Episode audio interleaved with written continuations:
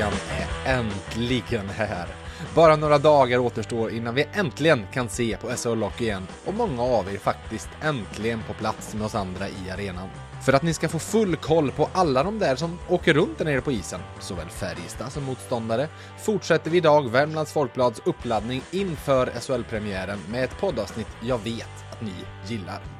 Välkomna till den ultimata SHL-guiden 2122 och välkommen tillbaka till den ultimata SHL-guide-gästen, Hockeysveriges vice chefredaktör Måns Karlsson. Tack så mycket. Det börjar bli en fin tradition där, får man säga.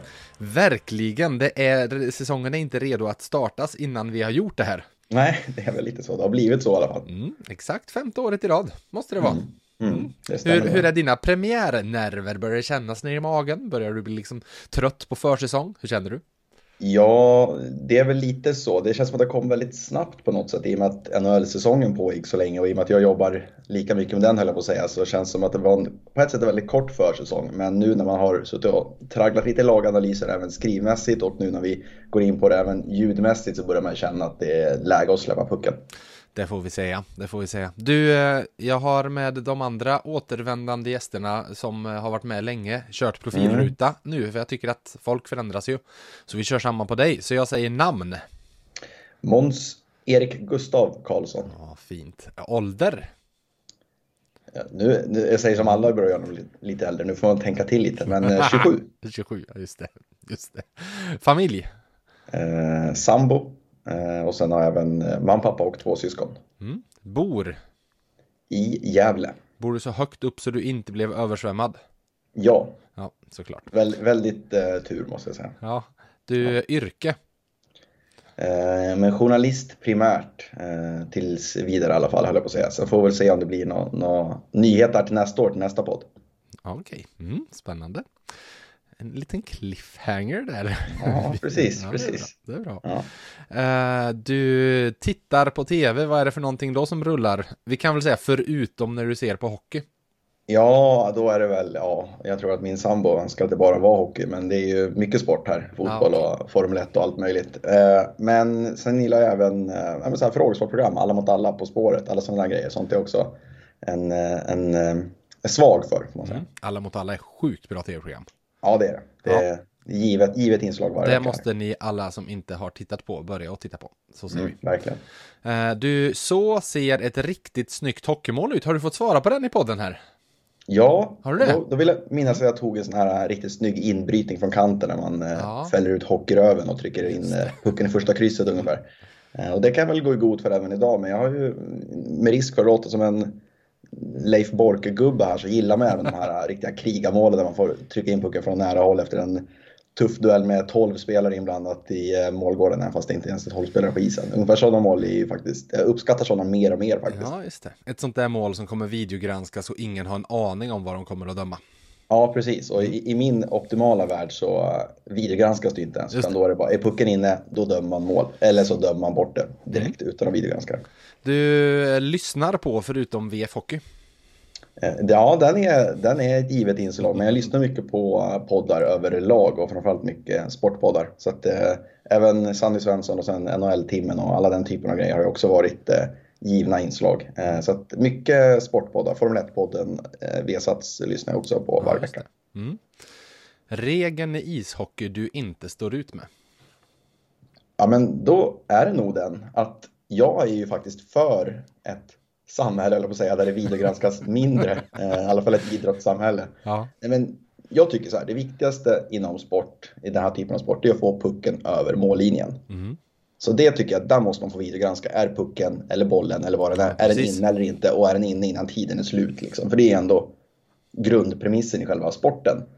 Sen tycker jag att, ja, men, går det inte att avgöra direkt att ja, men det var en spelare i målgården eller han var på plocken ja men då tycker jag att det är domaren som fattar beslutet på en gång. Jag tycker att sport i grunden är underhållning snarare än att det är världens viktigaste sak. Mm. Eh, så att på något sätt så tycker jag att man nästan tar sig lite på stort allvar när allting ska videogranskas in i minsta detalj. Åtminstone när man sätter upp en regel att du får videogranska i 30 sekunder och kan du inte avgöra då, nej men då är det beslutet på iset som står kvar. För att vi måste bort från att allting ska videogranskas hela tiden. För så viktigt är inte hockey fotboll eller vilken sport den är vi tittar på. Så att, är pucken över eller inte, det tycker jag måste få videogranska för det går ändå allting ut på. Men sen, ja, jag tycker att det är ganska, det skulle vara ganska befriande om, det, om vi släppte videogranskningarna i övrigt mer eller mindre. Mm. Jag har känt i eh, mitt supporterskap består ju bland annat av att se Manchester United i fotboll. Mm. Eh, och hur jag mål som görs när man på något sätt förstår att det kan vara någonting som eventuellt kan vara någonting. Alltså, det här Precis. lite genuina glädjen för ett mål har på riktigt försvunnit hos mig. Exakt. Eh, för att jag vågar inte ta det för givet, utan man, det är som vanligt, man vill inte bli besviken, så då ser man till att inte jubla för mycket. Liksom. Mm. Men och det, och det som är intressant är att fotbollsfansen har blivit generellt ganska upprörda över det här, medan vi i hockeyn har ändå levt med det ganska länge och jag har inte upplevt ja. att hatet mot videogranskning har varit lika stort inom hockeyn. Nej. Men egentligen är det väl ungefär samma sak. Sen förstår jag att det är mindre marginaler, just att hockey är mer av en duellsport och en kampsport. Att man står så. Jag förstår att det, det finns ingen, off, men... ingen offside på, alltså hockeyns offside är ju på ett annat sätt. Liksom. Precis. Äh, och, men, men jag kan ändå tycka att varför har vi, och säga så, mm. hockeymänniskor stått ut med det så mycket och vi liksom har köpt att mer och mer ska videogranskas medan fotbollen ja, mer och mer videogranskas, men där finns det ju ett genuint motstånd mot det på ett ja. annat sätt. Ja, exakt, exakt. Du läser, vad har du där? Ja, men jag läser mycket mm, sport och nyheter överlag. Alldeles för dålig på att läsa mm, böcker. Eh, men när jag väl gör det så läser jag gärna mm, biografier eller självbiografier snarare än skönlitterärt. Mm, mm. Äter och dricker. Vad ligger helst på tallriken och vad har du helst i glaset? Ja, men äter äter jag väl för mycket av sånt man inte borde äta. Liksom. Alltså, det, det, är inte, det är inte att det är chips och det är eh, pizza varje dag, men det är ändå lite för mycket av sånt man inte borde äta kanske. Ja. Eh, där, där är jag ganska... Du känns som en sån här som är naturligt smal dock. Har jag rätt i det? Uh, du ja, behöver inte ja. jobba för att hålla nere vikten. I och för sig är du ganska ung så att det slår Precis. till snart när du blir 30 här och förbränningen slutar. Exakt, jag känner att det har börjat gå åt det hållet redan okay. nu. Men jag, men jag har ganska bra disciplin när det gäller att träna. Det är just när det gäller att äta så äter jag för mycket skit. Men jag väger upp det genom att ha hyfsat bra träningsdisciplin och så i alla fall. Uh, och dricker, ja, där är jag väl ingen, ingenting som sticker ut. Jag kan dricka en öl på en fredag om det är så och jag kan även dricka fyra liter vatten om dagen om det behövs. Så det är mm. ingenting som sticker ut egentligen. Nej. Du, rak fråga. Poängkung i SHL 2122? Ja, men han vill man ju, man vet, man, ni vet ju vem det är man inte vill svara. Det är ju Royal Lash såklart. Mm. Så jag svarar Linus Omark. Sticker du ut. Ja, men sen vill jag säga, jag har ett riktigt skrällnamn också som jag tror kan Okej, okay, det måste vi ta det. Ja. Adam Tambellini i Rögle tror jag på. Ah, det. det. tror jag kan vara en, en dark horse mm, faktiskt. Mm. Du, person du helst skulle vilja träffa, levande som död? Oj, oj, oj. Ja, den är ju lurig faktiskt. Eh, vet du, vem, Men... vet du vem jag fick upp på den listan alldeles nyss? För jag såg att du som är F1-intresserad. Mm. Uh, och, och, eh, det känns nästan lite jobbigt att säga namnet för att han, han är på, om jag får vara riktigt krass, nästan någon blandning mellan levande och död. Men Michael Schumacher. Ja, det skulle vara väldigt spännande. Herregud! Ja. Och, och då blir man nästan ur ett jobbperspektiv också, i och med att, ja, alltså. Ja, verkligen. Nu går, jag förstår jag att han är, av, till 99 procent är man väl ganska säker på att han är ointervjubar eh, mm. på något sätt. Men mm. vilken gåta och så, så sjukt det är att det är en gåta i dagens samhälle. Liksom att han till och med en son som har blivit känd Exakt. och kör F1 och det är fortfarande en gåta. Ja, det är ganska sjukt. Hela den familjen är ju royalties inom eh, racingvärlden. Både ja. hans brorsa och även hans brorsa har ju ett barn som kör i Formel 3 tror jag det är. Så det är verkligen Schumacher-släkten är ju lika närvarande nu som när de var för 20 och 30 år sedan, men ändå vet ingen vad som pågår där. Ingen vet så, ju hur det är med honom. Alltså, exakt. han lever, det är väl ja. det man vet, att han inte har gått bort liksom. Mm. Men, ja. men har du någon annan du skulle slänga fram? Um, det skulle väl vara spännande att få hänga med. Nu blir det även ur ett jobbperspektiv, men det blir väl kanske lätt så när man har det yrket vi har. Men ja, det skulle ju vara kul att hänga med Gary Bettman en dag på jobbet. Mm. Absolut. Måste jag säga. Och han är ändå inte jättelätt att få en exklusiv intervju med om man fått bilderna. Han gör väl sin presskonferens inför Stanley Cup-finalen och inte så mycket mer. Exakt, och det känns som att eh, han skulle vara en av de svårare som finns att få med på att just det där går bredvid en dag. Alltså, ja, det kan man lugnt säga. Han gör ju ändå någon intervju någon gång då och då, men det är mm. på hans premisser känns som. Precis. Du, en sista väldigt rak fråga. Svenska mästare 2022. Frölunda. Frölunda. Yes. Mm.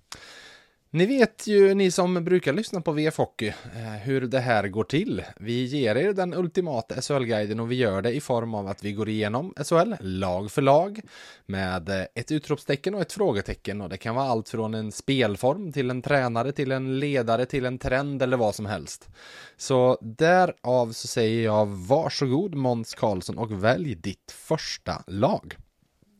Vi börjar på förra säsongens SHL 3, vilket det känns ganska sjukt att säga om den här klubben, men det är ju Leksands IF. Mm. Och eh, jag tycker vi börjar med utropstecken där för att vara lite positiva, men det finns väl någon sorts cynism och kanske lite negativitet även i det här utropstecket på något sätt. Vet du när de senast inledde två säsonger i rad med samma huvudtränare som man alltså inledde med förra säsongen också. Ja, det är ju nu då, men eh, innan ja, det. Innan så, dess. alltså, oj. alltså jag tänker på vem har varit i Leksand länge, alltså Roger Melin, men han kom ju in och blev kvar mm. och så vidare. Precis.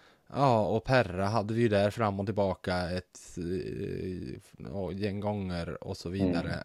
Ja, vem, vem är... Nej, jag kommer inte på.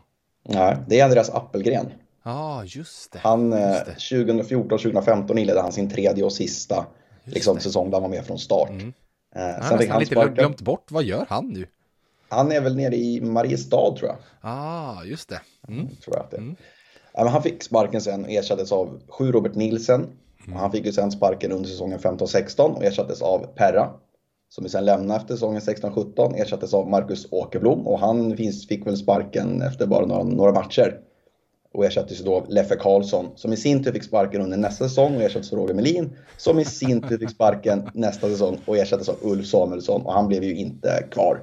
Nej. Men nu har Leksand inte bara samma huvudtränare utan samma tränartrio överlag med Fredrik Hallberg och Mikael Karlberg i bakgrunden också. Mm.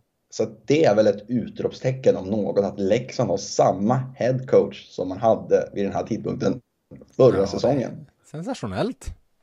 Det är det faktiskt. Ja. Och man tycker att det varit mycket rullians här i Gävle, men här var ju ändå Bulan eh, i, eh, var ju headcoach för Brynäs under två ja, säsonger i rad, även han. Eh, två och en halv då, om man räknar med när han kom in. Så att, det är till och med ännu värre i Leksand faktiskt, mm. sjukt nog.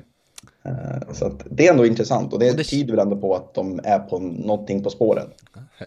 Har de något bra på gång? Det är exakt det de har. För er som inte tar referensen så är det väl, jag vet inte, har vi, vi kanske inte varit så öppna med det eller bara skrivit själva till varandra, men om eh, hur Örebro har haft ett ständigt tema de senaste åren, att alla spelare som kommer till Örebro råkar säga att den här mm. klubben har något bra på gång. Exakt. Ehm, så vi får väl se om eh, Leksand verkligen har något bra på gång. För vad sätter du som frågetecken då? Ja, men frågetecknet där, det är ju lätt att säga, ja, men hur ska man ersätta Mark Rivik och Peter Cehlarik som ändå var, eh, ja, men Mark Rivik var ju seriens bästa spelare förra året. Men mm. jag tycker ändå, äh, inte för att Janne Juvonen var bäst i SHL, men det lasset han drog förra säsongen kommer bli svårt att ersätta för Casimir Kaskusuo, lite reservation för uttalet där. Bra försök. Uh, ja, Juvonen spelar ju, han deltog i, jag tror det var 50 av 52 SHL-matcher som han fick ja. speltid förra året. Ja. Uh, Axel Braga fick starta premiären.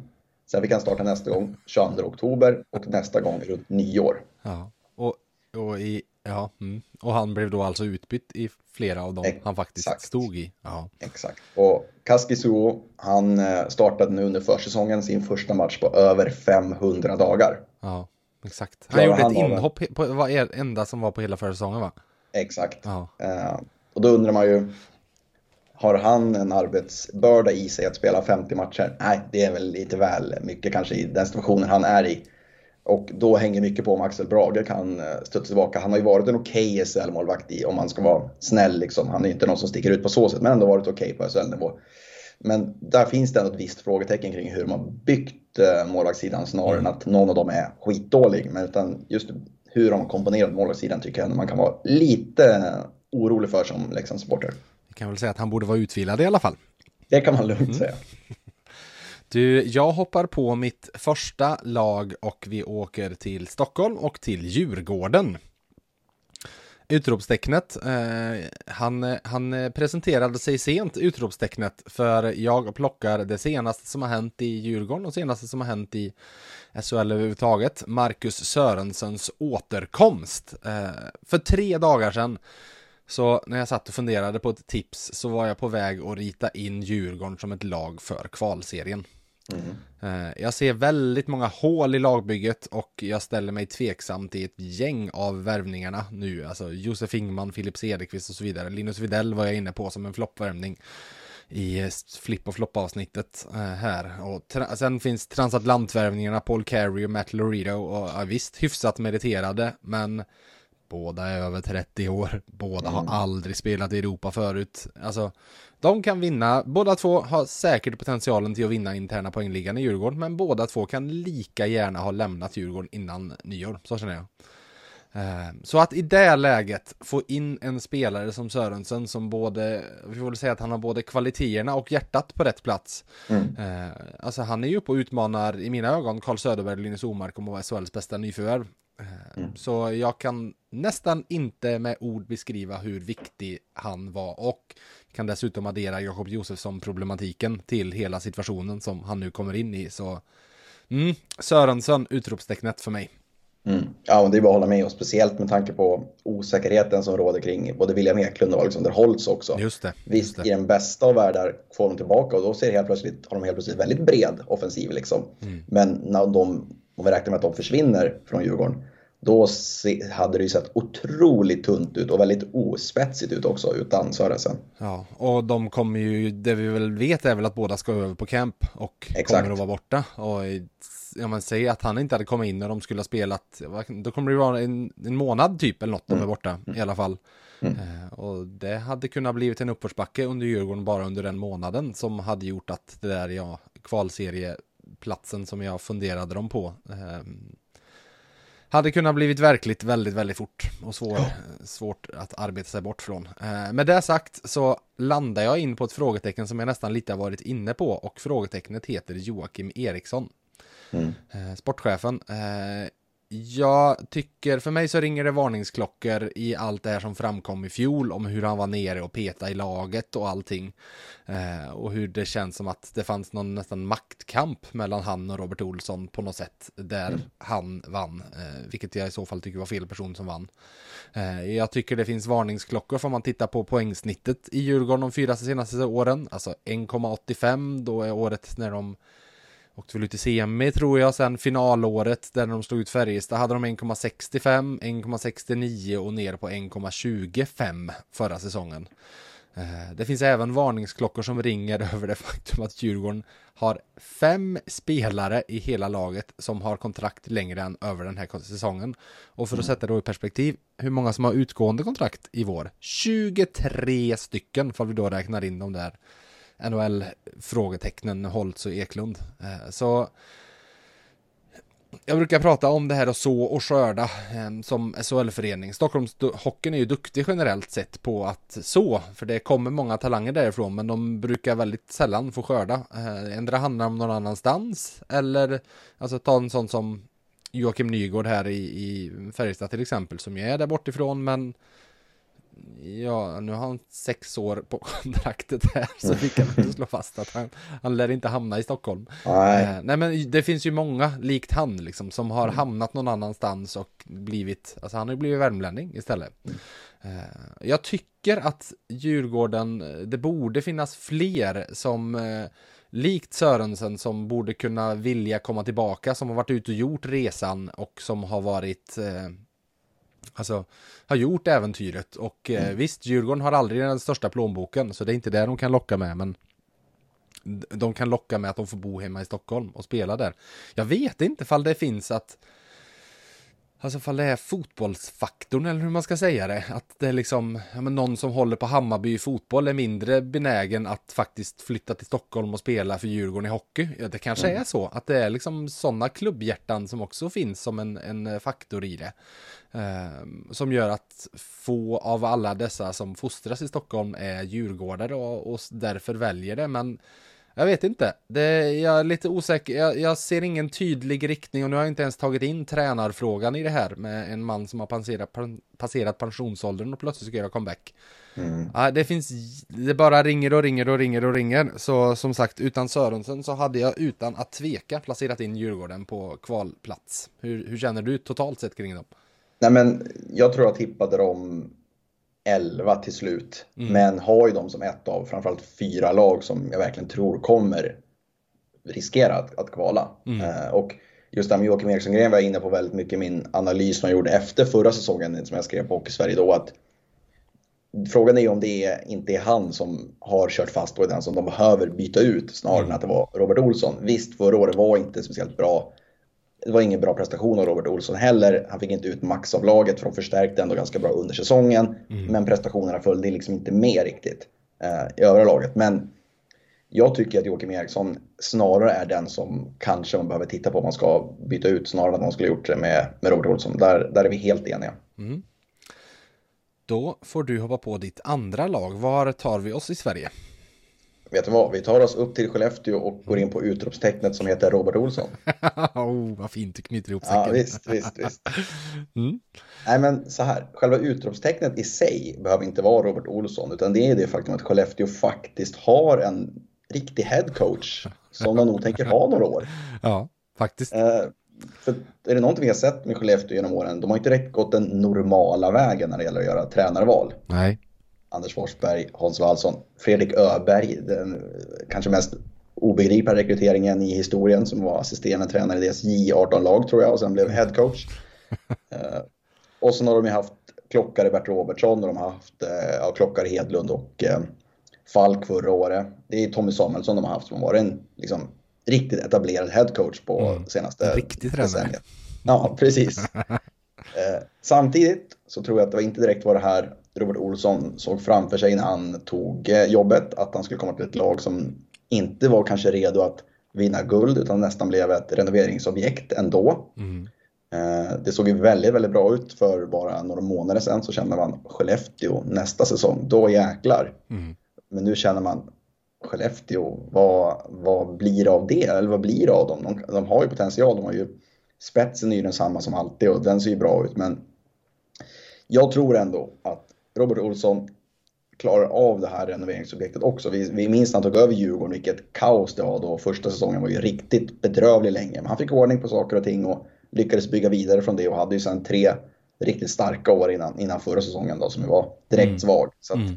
jag tror att han är rätt person att bygga Skellefteå även över tid. Även om de inte kanske är en guldkandidaten på, på allvar den här säsongen så tror jag att han ändå är rätt person att få dem att bli det över tid. Även om Även om eh, säkert spelare kommer försvinna även nu och de har många unga som kommer försvinna verkligen NHL så, så tror jag att han ändå mm. visar att han är rätt person. Och Skellefteå har ju faktiskt klarat av över tid att prestera trots tränarbyten. Vilket man normalt sett säger är ett big no-no, att man absolut inte ska ha det, man ska ha kontinuitet. Men de har ju faktiskt klarat av det ändå. Eh, även om det bara varit Stefan Klockare som liksom har varit kvar hela tiden och resten har varit utbytbara. Mm. De har haft sin kontinuitet på annan plats. Ja, absolut. Så de har ju framförallt med, med klubbdirektören där va? Jag, jag tänkte på, på Lindström och Möller ja, men... Jag tänkte så du. Jag tänkte högre upp i klubben. ja, just det. Vi gick åt varsitt håll. Ja, precis. Mm. Men ja. Ja, nej, men det har ju funnits, det, det, har väl funnits en annan röd tråd i, mm. i föreningen. Israelsson är det du tänker på eller? Jajamän. Mm. Och, men, men som ni är inne på också, med Lindström Möller kvar år efter år de har haft en, en kärna av spelare som har kommit tillbaka hela tiden också, vilket mm. gör att de har haft spelare som varit med på den tiden de var riktigt bra också.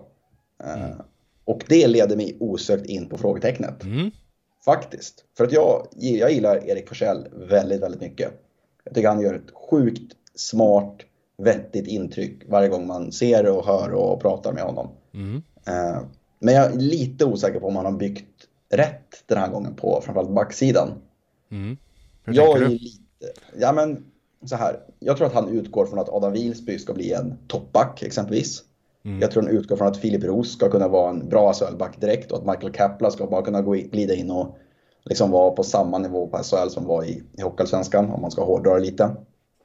Men jag är lite orolig för vad som händer när både Arvid Lundberg och Niklas Burström lämnar. Mm. Faktiskt. Jag, jag gillar båda dem väldigt mycket och det känns sjukt att Niklas Burström är i Tyskland och lirar. Det var inte länge sedan han var liksom topp, topp, toppback i SHL. Så jag, mm. jag vet inte, det känns som att han satsade ganska mycket på att de skulle få in de här tunga spetsspelarna och Per Lindholm kom tillbaka och de satsade på att behålla Melker Karlsson och tog in Jonathan Pudas och så vidare och så vidare. Men nu när det ändå försvann en del spetsspelare så hade jag nog tänkt att han med fas han hade velat bygga annorlunda, framförallt på backsidan och kanske gå satsa på att verkligen behålla åtminstone någon av Arvid Lundberg och, och Niklas Burström. För där tror jag att det kommer saknas att de har dels det här Skellefteå-hjärtat som är lite mm. mer abstrakt då, men även deras rent konkreta hockeybetydelse för det här laget.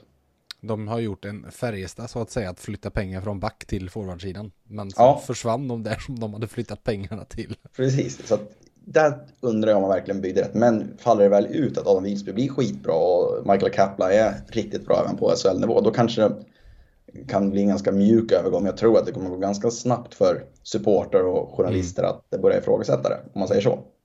Exakt. Du, då tar vi och tar oss lite längre norrut från Skellefteå till rivalen får vi väl kalla dem just nu i SHL när Löven inte är där, Luleå. Mm. Eh, och vi tar solskenshistorien först tycker jag. Nu ska jag säga, fall ni hör någonting i bakgrunden så har vi en kattunge hemma som är några månader gammal och den lilla kattungen kan inte jag styra över. Så det kan komma lite jamande och just nu så hoppade Sprattel heter han, han hoppade upp på min fot. Så om jag reagerar konstigt så vet ni varför. Eh, men tillbaka till utropstecknet eh, mm. och det är en liten doldis kanske. 20-årig tjecken Radek Musik Eh, du, jag tror faktiskt vi har fått en konkurrent till Pekka Tuokula om att vara världens gladaste människa. För jag har då aldrig sett Radek Musik i bild utan att han skrattar och ler och är superglad. Nej, uh, jag, jag, tror faktiskt jag var på plats i, eh, här i Galrinken när jag gjorde sitt första SHL-mål förra säsongen. Just det. Och det var vild jubel. ja, jag kan Kaos, tänka mig det. Ja. ja, nej men framfusighet, fart, bra teknik. Eh, jag tror att han har ett, han är väl ordräftad tror jag. Eh, mm. Jag tror han har ett tak som är högre än SHL och eh, spännande spelare att följa. Eh, hoppas Luleå matchar honom eh, högre upp än i någon, det är lätt att det blandar i någon slags juniorkedja. Och de där 20-åringarna är lite lättare att peta än de mer meriterade. Men hoppas de ger chansen på riktigt. För eh, varje gång jag har sett honom så har jag tyckt det varit en himla rolig spelare. Och eh, sådana vill vi ha fler av i svensk mm. hockey. Eh, frågetecknet. Brendan Shinnimin. Eh, din eh, chefredaktörskollega på Sverige, Uffe Bodin, så gjorde vi här i somras en silly season guide och han sa det väldigt bra då. Han sa så här, som utomstående betraktare ska det bli kul att se hur det går. Jag vet inte hur kul det är att varken spela med honom eller att ha en sån, äh, spela mot honom eller att ha en sån lös kanon som lagkamrat. Uh, där har han ju rätt i vad han säger. Mm. Uh, för mig finns det även en annan faktor i allt det där och det är fansen. Alltså, så här, hade Brendan Chinnimin varit, vad ska jag säga, Nathan McKinnon så hade jag förstått om Luleå hade värvat honom oavsett om fansen hade tyckt att han var jordens vidrigaste människa. Liksom. Mm. Eh, och eh, det, det, är klart att Brendan Shinnimin är bra på sitt jobb. Han är alltså en agitator, en uppviglare, alltså energispelare och han kommer bidra med sådana grejer. Men jag lyssnade, det finns ju en nystartad Färjestad 1932-podden där de har gjort en SHL-genomgång där de har pratat med en supporter i varje lag och där pratar de, nu har jag glömt namnet på honom, men han som står och leder klacken i Luleå. Eh, och han sa ärligt att han var rejält kluven till Kinnimin som Luleå-spelare. Att han kan inte ta honom till sig och han var liksom inne på saker som att han står för saker som Luleå Hockey för mig inte står för. Mm. Eh, och då började jag känna, men är det värt det? För liksom av, av alla spelare som finns, av alla energispelare som finns, det är inte det absolut svåraste att hitta i hockeyvärlden. Var de verkligen tvungna att ta honom? Eh, för mig påminner det om en värvning jag vet inte om du ens minns den, för att det känns nästan som inte att det har hänt, eh, för det är så osannolikt. Men du kommer ihåg att Andreas Jämtin avslutade sin karriär i Färjestad va? Jajamän. Det är, det är så sjukt så att det, ja. det var ju precis samma där. Mm. De, de, alltså Färjestad-supportrarna tog honom aldrig till sig. Alltså, mm. Han var för förknippad med det som de ogillar, med en rival som de har ogillat och de har stått och stört sig på honom och skrikit åt honom i alla år. Mm. Eh, så jag tycker att, jag vet inte, hur ser du på, på just den där? Eh, avvägning hur mycket man ska ta in vad, vad fansen ja. faktiskt tycker. Ja, men så här. Jag, jag är nog ganska mycket inne på tidsspåret. Om en spelare är tillräckligt bra eller om det är en krissituation som uppstår med över ett korttidskontrakt. Ja, han finns ledig på marknaden, in med honom i laget. Då tycker jag att det är en sak. Mm. Men det man ska komma ihåg med, med Shinnimin är ju också att sista säsongen i Växjö var ju inte bra. Nej, just det. Den var ju direkt dålig och de gjorde ju ett aktivt val att göra sig av med honom. Mm. Eh, han var ju mer än...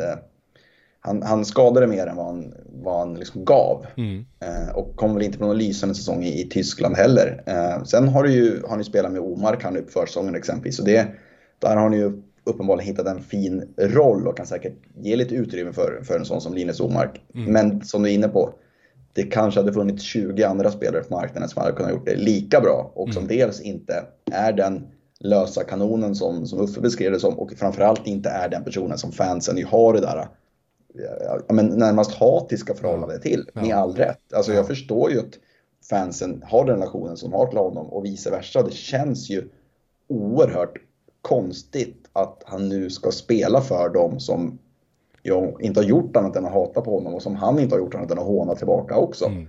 Så det, det, är ju, jag vet inte om man ska väga in just fansen på det sättet, men i slutändan är det ju fansen som är, ja men, som ska komma på matchen och stötta laget. Som är klubben. Ja, precis. Och det mm. blir ju en konstig situation som man sätter sig i. Sen får väl se då hur lång tid det tar innan han ändå blir någorlunda accepterad. Han kanske till och med är det. Jag har, inte, har liksom inte koll på det norrbottniska kynnet på det sättet. Men det känns ju lite onödigt att sätta sig i sitsen. Mm, mm, exakt. Du, ja, onödigt. Det är verkligen mm. ordet jag känner sammanfattar värvningen av dem. Det var, det var onödigt. Jag ska bara säga, jag måste bara be om ursäkt till alla Sheffield Steelers supportrar för det var givetvis där som Andreas Jämtin avslutade sin karriär. Eh, han eh, var ju där och härjade en säsong efter året i Färjestad. Så. Förlåt om jag trampade någon på tårna. Med det sagt, Måns Karlsson, varsågod hoppa på ditt tredje lag. Vi åker söderut, men hur långt? Vi åker uh, inte jättelångt. Nej. Vi åker till uh, Timrå, känner jag. Mm. Midlanda ju... flygplats, eller vad den nu heter. Den hette det förr i tiden. Ja, det, det vet du menar jag. jag, tar, jag tar tåget, ja. Ja, okej, okay, just det. Mm. Ja, exakt. Men de i sin tur däremot har ju åkt upp en division, om man säger så. Mm. Och... och nu ska vi se hur väl de kommer att landa i SHL den här vintern. Exakt. Yes. Ja, men det, det som faktiskt sticker ut med Timrås lag, det är ju faktiskt att man för att vara en nykomling har ett väldigt SHL-kompatibelt lag. Mm. De har ju kunnat behålla, eller kunnat behålla, valt att behålla hur man nu vill se det, men de har ju behållit den stomme de hade som gick upp med så många nykomlingar gör. Mm. Eh, och redan i det laget fanns det ju gott om SHL-rutin. Mm. Dels vissa som varit med med Timrå sedan tidigare, men även med Jakob Blomqvist, Kristoffer Liljevall och så vidare. Sen har man då förstärkt, tagit tillbaka Didrik Strömberg, man har varit in Oliver Boom, Tim Eriksson, Joey LaLeggia, Nolan Sajak, Erik Andersson, Robin Alvarez. Liksom genuint gedigna SHL-spelare som framförallt har spelat i SHL. I vissa fall mycket och i vissa fall någon säsong, men de har i alla fall bevisat att de håller på SHL-nivå. Ja. Det är ganska ovanligt för en nykomling att de har ett så SHL-redo lag. Utan ofta så man har sin stomme med, med allsvenska spelare. Sen värvar man in någon tjeck och någon nordamerikan hoppas på att de ska göra poängen framåt. Eller att någon ska få ett Anton Verin genombrott från det allsvenska laget och liksom explodera. Och så lägger man väl pengar på en målvakt som de gjorde förra gången med, med Niklas Svedberg som ju inte alls föll väl ut. Nej, just det. Men nu är det ju ett, eh, men i mångt och mycket ett SHL-lag. Mm. Um, och det tycker jag man ska Ja, men jag tror att det är ganska smart värvningsstrategi från Nubben och dels, det känns som att man började det här lagbygget redan förra året genom att ta in ja, men, och ha Jakob Blomqvist, Kristoffer Liljevall, Mårten Madsen, den mm. typen av spelare som ändå har varit i SHL tidigare utan att ha haft de här jättestora rollerna men ändå varit i SHL. Så det tycker jag ändå är ett utropstecken att Timrå har ett SHL-lag, vilket är långt ifrån alla nykomlingar brukar ha. Mm. Det var roligt att du sa, man brukar ta in en transatlanten check framåt och så vidare. Exakt. Vi går till frågetecknet. Ska, ska, vi gå till frågetecknet och får jag, får jag säga då? Ja. Har, har eh, Timrå nog med offensiv för att lyfta? Exakt. Mm. Det är det som är problemet. Mm. Att de har ju väldigt många som har spelat i SHL. Vi kan räkna in eh, Almedin, Jakob Olofsson, Viktor Lodin, även om han var väldigt ung. Mm. Men ingen av de där som har varit väldigt starka poängproducenter i Hockeyallsvenskan har ju varit i SHL. Det är ju problemet. De har väldigt många som håller i SHL, då kanske de håller tredje, fjärde kedjenivå. Mm. Vilket man inte ska underskatta i en liga som SHL där spets, där man egentligen alltid ska ha antingen supermycket spets eller supermycket bredd. Mm. Uh, för ja, det är ju, SHL är ju, har ju gått åt det hållet. Uh, mm. Men då undrar man ju om Robin Hansel och Ty Raddy, de som kommer in utifrån den här checken och transatlanten, om de verkligen kan lösa eh, offensiven. Mm. Och där finns det väl anledning att ifrågasätta. Jag tycker målvaktssidan är gedigen, backsidan är gedigen, forwardsidan är bred men väldigt ospetsig. Mm. Och där jag undrar om det kommer hålla för Timrå. Alltså tar man, får man titta på steget allsvenskan till SHL, eh, ta eh, Jonathan Jonsson som gjorde mm. precis, alltså han var ju Albin Lundin fast i Modo eh, och mm. gick till Skellefteå. Då fick liksom han, han fick spela en tredje kedjeroll och fick de motståndarna, det kommer ju inte Albin Lundin få. Han kommer ju vara en första eller en andra kedja och möta motståndarnas bästa spelare hela tiden. Eh, och Jonathan Jonsson gjorde 24 poäng eh, sin första säsong och det är ju helt okej okay som en tredje mm. center. Det är inget fel på det alls, men eh, det kommer ju troligtvis krävas mer av till exempel Albin Lundin för att Timrå ska bli och räkna med. Så sett. Exakt, de, de, och de har ju just väldigt många spelare som säkert kan göra 20 poäng. Mm. Där tror jag de har fler spelare än vissa andra bottenkonkurrenter liksom. Mm. Men det är just det att de har, de de har som ska vara spetsen har ju inte riktigt visat att de kan vara spets på SHL-nivå. Så där blir ju utmaningen. Eh, och det är väl det som man eh, minst sagt kan ställa ett frågetecken runt i alla fall. Tänk vad det hade känts annorlunda med en Jonathan Dahlén också. Oj, oj, oj. Ja, det är, alltså det är ju så tråkigt att ja. vi aldrig får se honom i SHL. Det, Han hatar det, SHL. Ja, men det, det, finns liksom två sanningar. Det är att um, um, Jonathan Dahlén kommer aldrig spela SHL. Per Kente kommer aldrig lyckas ta upp ett lag i SHL heller. För när han väl gör det, då har han lämnat. Och när han väl kommer göra det, då kommer en pandemi och så vidare och så vidare. Precis. Så där finns det, det är liksom två givna sanningar. Ja, exakt. Du, vi hoppar vidare. Ja, på tal om Timrå förresten. Eh, de har nog kanske den minst, eh, eller mest anonyma, ska jag säga, värmlänningen av dem alla. Eh, för att Jakob Johansson är värmlänning tror jag faktiskt inte det är många som vet om överhuvudtaget. Nej, det, det var en nyhet även för mig kanske. Ja, från Karlskoga från början. Mm. Och sen så spelade han som junior i Sunne i det där sanslösa juniorlaget ni eh, många kommer ihåg med Joakim Nygård och Simon Mattsson och Jakob Lilja och allt vad det var. Eh, de var ju eh, bunch of rejects som ingen annan storklubb ville ha och så kom de dit och så gick de till, du borde nästan ha sett det för de var ju och spela SM J18 kvartsfinal mot eh, Brynäs. Gjorde de, mm. Sunne. Vilket, vilket år pratar vi då? Eh, det blir då 2000 10, 20, 2009 tror jag det var. 2009. Ja, då, då, då, var, då, var fem, då var vi fem år innan jag kom upp till Gävle. Okej, okay, just det. Ja, okay. Nästan då. Ja. ja. Eh, vi kan väl säga att det är osannolikt att IFK Sunne, eller Sunne IK ska jag säga, IFK Sunne är fotboll. Sunne IK, de slog ut alltså AIK och Rögle i J18-slutspelet. För de kom ju från sin regionala serie, de spelar ju givetvis inte i allsvenskan. Men slog ut dem, men sen åkte de på stor torsk mot Brynäs. Men eh, ja, häftig liten saga. Får man säga. Eh, men eh, vi knyter ihop säcken genom att ta klubben som Jakob Johansson kom till Timrå ifrån, helt enkelt. Linköping. Han är ganska anonym även sett till att han har stått typ 60-70 matcher i SHL. Mm. Som, som tvåa där bakom Jonas Gustafsson. Och alltid varit gedigen men ja. aldrig riktigt tog det där steget som man nej, väntade precis. på varenda säsong. Precis, ja, nej. Så ja, där har vi väl också en med Timrå som blir intressant mm. att se för det känns som att han kommer nog stå minst lika mycket nu i vinter. Absolut. Där. Men Linköping så tar jag ett utropstecken eh, jag har väldigt bra koll på, eh, betydligt bättre. Eh, jag är tveksam om något SHL-lag någonsin panikvärvat från Halmstad Hammers förut. Det är jag definitivt säker på att ingen har gjort och fått lika bra utdelning som Linköping fick med Alexander Johansson. Eh, väldigt glad för hans skull måste jag säga, för alltså, jag trodde att efter skadorna i Färjestad, som han, alltså han kom tillbaka där, rehaba och kom tillbaka och liksom, det är den här klassiska man ser, ah, okej, okay. mm han är typ 20% av sitt gamla jag. Liksom. Eh, blev utköpt här, hamnade i Tyskland, gjorde en ganska svag säsong där nere och alltså jag kan inte dra någon annan slutsats. Vad, alltså, vad tror du än att, att eh, inget allsvenskt lag, inget SHL eller allsvenskt lag ville ha honom förra sommaren?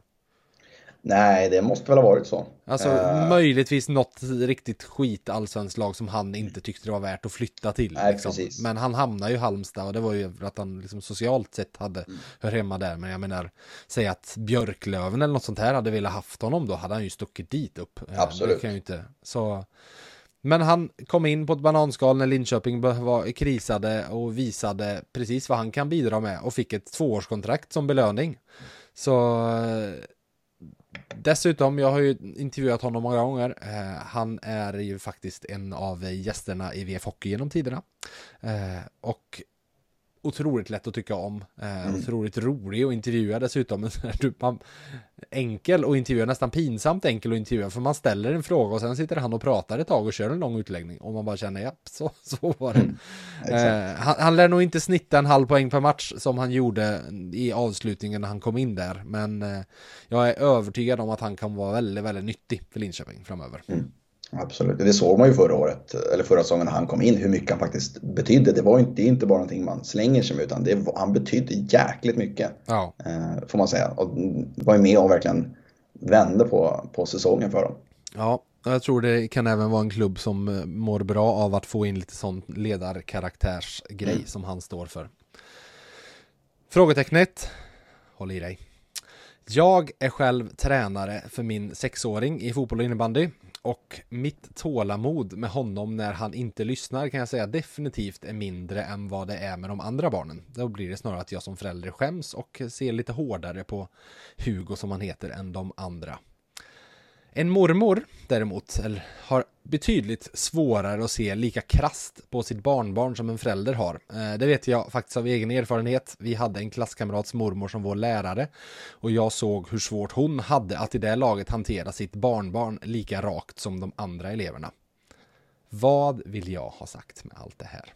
Jo, mina känslor för Brian Gibbons är inte de av en förälders, utan av en, ja, om inte mormor så en morfar. Och Måns, mm. det har blivit dags för mig att se mig själv i spegeln och att Brian också gör det. Det här har jag väntat på i många år. Jag pratar nu inte om tacklingen på Simon Önerud på försäsongen. Eh, jag pratar inte om försäsongen överhuvudtaget. Den tycker jag Spelar över 30 år så vet jag inte om jag drar så mycket växlar på försäsong överhuvudtaget. Men rapporterna jag har fått från Schweiz, bland annat från en kontakt som ser väldigt mycket hockey där nere och som jag litar på till 110%. De är inte bra. Mm. Det pratar som en Gibbo som mest gled runt. Det pratar som en Gibbo som gjorde sina poäng mot de sämre lagen i ligan. Så vi landar i att jag här och nu säger Skärp dig för fan Brian Gibbons! Det är inte bara ditt utan även mitt rykte som står på spel i vinter. Ja, jag tror att, jag tror att ditt rykte, om du nu får, kommer att vilja fortsätta hävda att han är den legendar du, du villkor till. Spelare. Mm. Ja, jag tror att det ryktet tyvärr kommer att uh, inte påverka dig positivt. Alltså. Det, det, känns, utan att ha liksom samma insyn som, som du har vid din kontakt där, så alltså Linköpings offensiv hade ju behövt säkra kort känner jag snarare. För att det är så pass få säkra kort i den där truppen och att då ta in en kille som är på väg ner, inte har varit dominant i Schweiz. Mm. Det känns inte klockrent om man ska säga det ur ett rent sportsligt perspektiv heller. Ja, där fick ni det. Orden ni aldrig trodde ni skulle få höra i den här podden. Herregud. Ja. Du, eh, innan vi går vidare så går vi från ödesmättat till något betydligt mycket gl mer glädjande. För äntligen har jag eh, glädjen att dela ut en finalbiljett till vårens stora lyssnartävling. Den här gången för vinnaren i säsongspremiären där vi hade Expressens Johan Svensson som gäst. Vi testar dig då Måns. Vad kallades Omark och Harry ihop? Vad hade Pass. för något? Du kommer inte ihåg det? Nej. Övertornio Connection. Ah. Mm. Det här, du var, ju, du var ju typ 15 år när det där hände, så att du är ursäktad. Det känns bra. Det känns bra. Eh, men det var ju smeknamnet och det var ni många som både kom ihåg och kunde, som Christer säger, googla er fram till. Eh, första målet i träningsmatchen mellan Örebro och Färjestad, det dröjde. Det var först efter nästan halva matchen som Mika Salomäki prickade rätt. Eh, närmast rätt tidpunkt var en trogen poddlyssnare i Robert Norman. Stort grattis till dig! Förutom att du säkrar en finalbiljett vinner du även ett presentkort värt 500 kronor på ICA Maxi Berget samt ett par jeans från Nej, nej, nu, nej, jeans från JC, det är något annat. Uh, nej, du får en bag från VF. Uh, eh, Robert, skicka ett mail till hockeyvf.se så får du reda på hur du får dina priser. Men givetvis ska Christer på Maxi Bergvik ge er andra chansen att vinna samma sak. Spetsa därför öronen nu!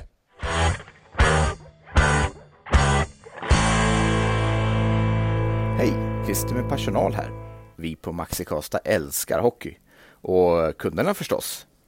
Medan Johan och Måns fokuserar på SHL-lagen ska ni idag få en fråga om ett lag som just siktar dit. För HV71 blir storfavorit i Allsvenskan efter degraderingen. Och vi undrar, vilket välbekant tränarnamn är det som ska leda dem tillbaka till högsta serien? Lycka till, så hörs vi i nästa avsnitt av VF Hockey. Googla lugnt.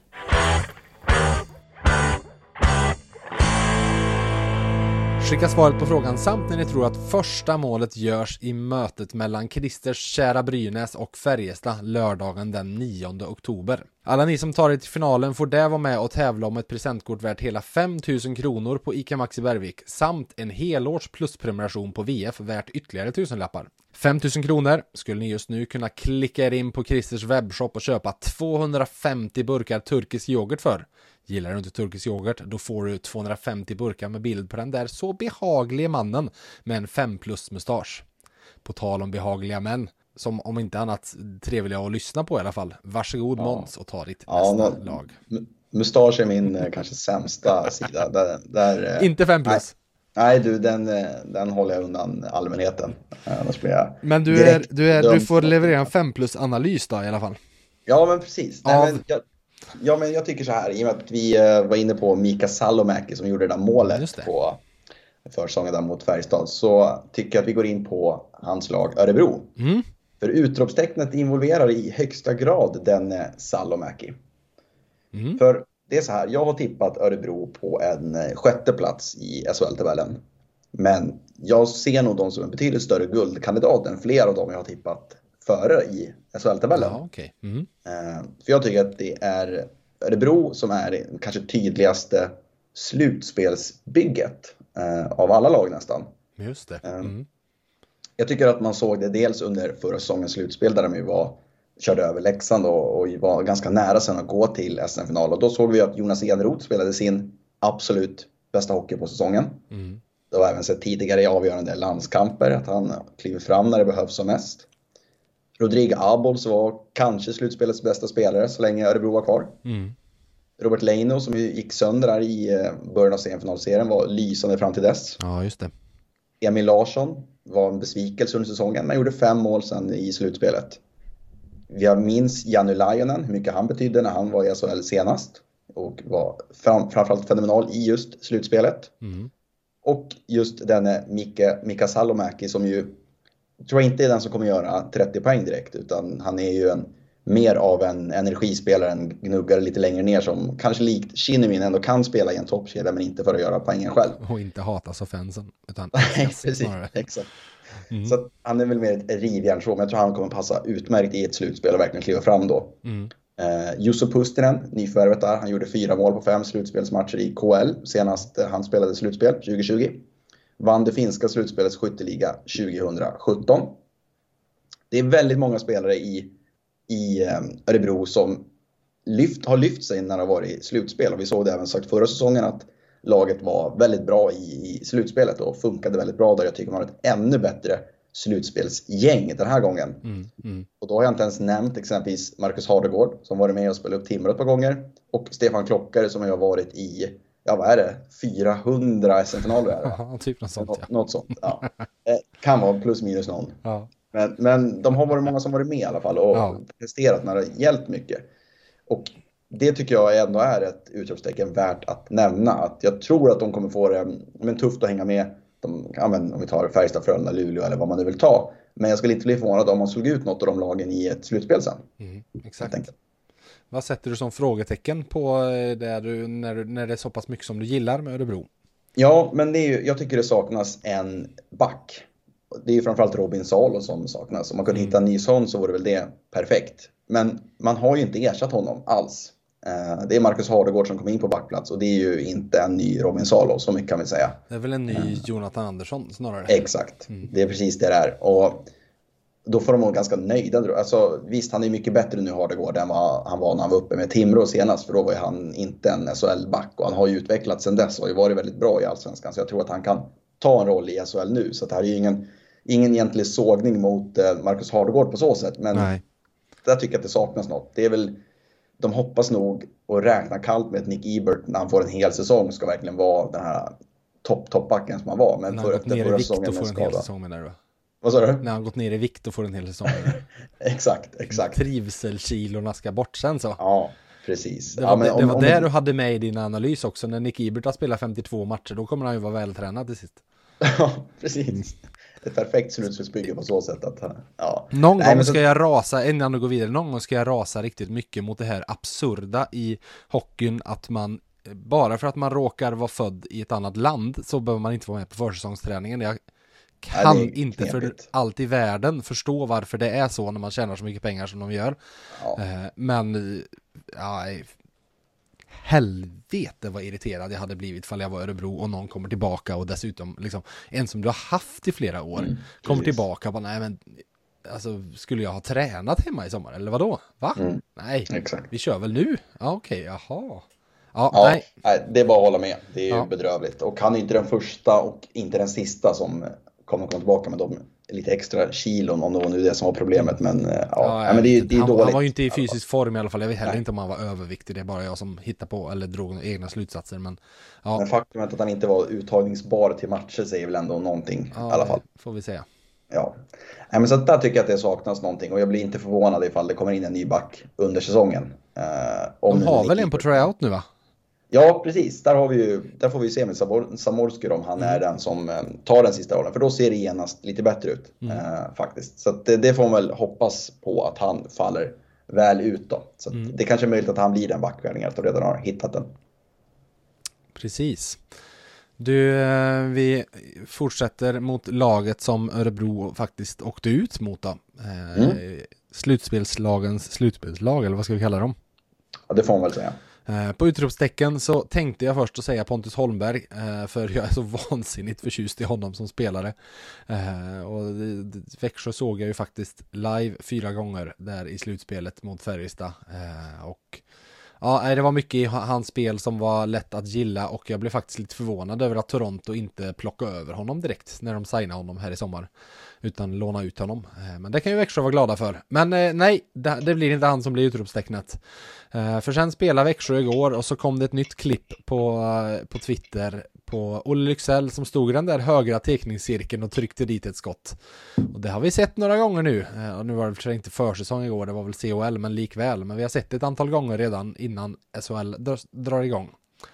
Eh, jag tror att alla, speciellt i slutspelet, eh, såg mot slutet av förra säsongen i Färjestad vilket genombrott Olle Lycksell då var på väg mot. Mm. Och en spelare med, med den där genombrottspotentialen är väl någonting, för att ska titta på Färjestads lagbygge, som saknas. Och även om, alltså jag förstår att man när Åslund-kontraktet gick att lösa gick med på Lyxells önskan om att hamna någon annanstans men i efterhand så tror jag det är ett beslut som Färjestad kommer att ångra.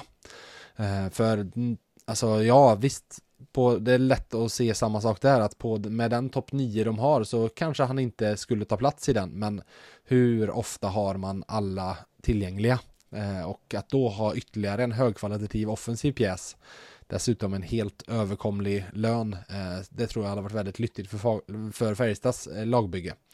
Eh, nu spetsar han istället till en konkurrent som kan få ta del av det där genombrottet. Så jag vet inte ifall det finns. Win-win finns det ju. Finns det lose-lose scenario? ja, det är, väl, det är väl sånt här då kanske. Ja, det känns som det. det ja. De fick honom inte och de får dessutom se en konkurrent få honom istället. Och det man ändå, om man ska väga in det här med Färjestadsperspektivet, det man har sett med Olle Lycksell genom åren, framförallt i Linköping när han ju inte fick fotfäste riktigt utan var lite in och ut i laget. Så här, det var att han, han kunde ändå leverera ganska bra med magert med speltid. Ja, precis. Vilket ju, visst, jag fattar att han inte vill sitta och riskera att vara trettonde forward i Färjestad för han är mm. inte kanske den som ska vara nere i en, i en fjärde kedja liksom. Och om nu alla skulle vara skadefria, ja, då sitter ju han i skiten om man ska vara tydlig. Men han har ju också visat, om man ser ur Färjestads perspektiv som sagt, att han, han klarar ju av att, att leverera när chansen väl ges. Mm, precis. Sen så visst, två, två faktorer som man vill väga in. Eh, om jag var Färjestad och hade stått och välja, valt mellan att ta in Per Åslund eller ha Olle Lycksell i laget så hade jag med väldigt många faktorer invägda valt Per Åslund eh, likväl. Mm. Men, och man kan väl även lägga till att det här är mycket möjligt att varken Färjestad, Olle Lycksell eller Växjö hade någonting med det här att göra utan att det var Philadelphia Flyers som sa att du ska inte spela där, du ska spela där, till mm. exempel. Mm. Så ja, det vet vi inte. Däremot, eh, frågetecknet har vi desto mer koll på, eh, fast det kanske är just det vi inte har. För jag säger så här, vilken Andrew Calof får vi se i höst? eh, alltså, ja. är, han, är han den som kom in förra hösten och var helt sanslöst bra? Alltså han var ju liksom, han var ju Ryan Lesh bra när han kom mm. då. Mm. Eh, så allting såg så otroligt enkelt ut, han gjorde poäng på poäng på poäng. Eller eh, så är, är det den som, eh, han skrev ett treårskontrakt och plötsligt försvann in i anonymiteten till den grad att han till sist satt på läktaren de två sista matcherna när SM-guldet säkrades. Vilket ju också säger lite om Växjös lagbygge, att jag menar en av de högst betalda, mest profilerade forwardsen inte ens platsade i laget på slutet. Eh, och de ändå vann liksom. Mm. Så ja, Växjö klarade sig då utan honom. Eh, jag säger så här, Växjö klarar sig inte i höst utan Andrew Calof. Eh, ja, de, de klarar sig inte med slutspels Calof om vi säger så. Eh, mm. För mycket spets har försvunnit och 34 är faktiskt åldern nu på Robert Rosén och Rickard Gynge och visst man kan trotsa oddsen men att de börjar ta steg ner på, vad ska vi kalla kvalitetstrappan är trots allt det mest troliga när man kommer upp i den åldern eh, på ett eller annat sätt. Även fast de väl inget, inte, de, de, är väl båda spelare som, det är inte speedkulor så sett. Det känns som att de kanske kan leva på sin smartness något år till, men likväl. Mm. Det är väldigt få när de är 34 som fortsätter att utvecklas och bli bättre, utan det är snarare sämre. Så vad tror du? Kejlof, vem får vi se? Ja, alltså med tanke på att det just sammanföll så tydligt med just det nya kontraktet. Ja det är då man blir lite fundersam. Eh, för och känner jag sig att... lite rasistisk också när man tänker det om en eh, transatlant. Ja, men det kanske är, någon, ja, men det kanske är naturligt ja, man tänker ja, så. Ja. Eh, man hade inte tänkt samma sak om Robert Rosén som ju brinner för den här klubben och har väl alla rekord som finns ungefär. Eh, så är det ju. Och jag vet att det var någon månad om det var januari eller vad det var, så låg hela den kedjan med, med Drury, Pettersson och, och Calof var etta, tvåa, trea i SHLs poängliga den månaden eller något sånt där. Så de var ju otroligt bra. Ja. Eh, men ja, man blir lite fundersam. Och jag tänkte en motfråga till dig då. Tror du att han är kvar kontraktstiden ut eller hamnar han i Linköping eller Malmö eller något sånt där lag om ett, något år eller ja, två? Alltså det känns ju som en sån här som att, ja, li lite likt eh, lite likt Jakob Nilsson med Färjestad eh, mm. här. Att, alltså, han, han, Växjö är inte Sveriges, eh, de som betalar bäst pengar i Sverige, men det känns som att de har fått pytsa in en del på den där förlängningen. Absolut. Så jag menar, säg att han fortsätter och börjar hösten nu och liksom har gjort, ja men vi kommer till jul och han har gjort kanske ett eller två plus sex mm. på 25 matcher. Eh, och typ inte får spela och Sam Halland bara känner, alltså förstå vilket dyrt utköp det skulle bli. Ja, herregud. Eh, så att mm, det är bäst för Växjö att det är eh, version 1 av Andrew Calof. Vi får se. Mm. Mm. Vem, eh, vilket lag åker vi till nu? Vi åker söderut till Malmö tycker jag. Mm. Faktiskt. Och jag börjar med utropstecknet. Och tycker så här att en centersida som består av Carl Söderberg, Patrik Westerholm, Kalle Östman och Kristoffer Forsberg tycker jag är en centersida som få lag i SHL faktiskt kan matcha. Mm. Eh, spetsen behöver vi inte tala närmare om. Carl Söderberg är ju, i mitt tycke, bör han vara seriens bästa center. ändå. Mm. Um, om vi tänker att han även under en lite sämre säsong i NHL som det var förra året ändå var betydligt mer produktiv än vad exempelvis Jakob Josefsson var under sin bästa säsong i NHL.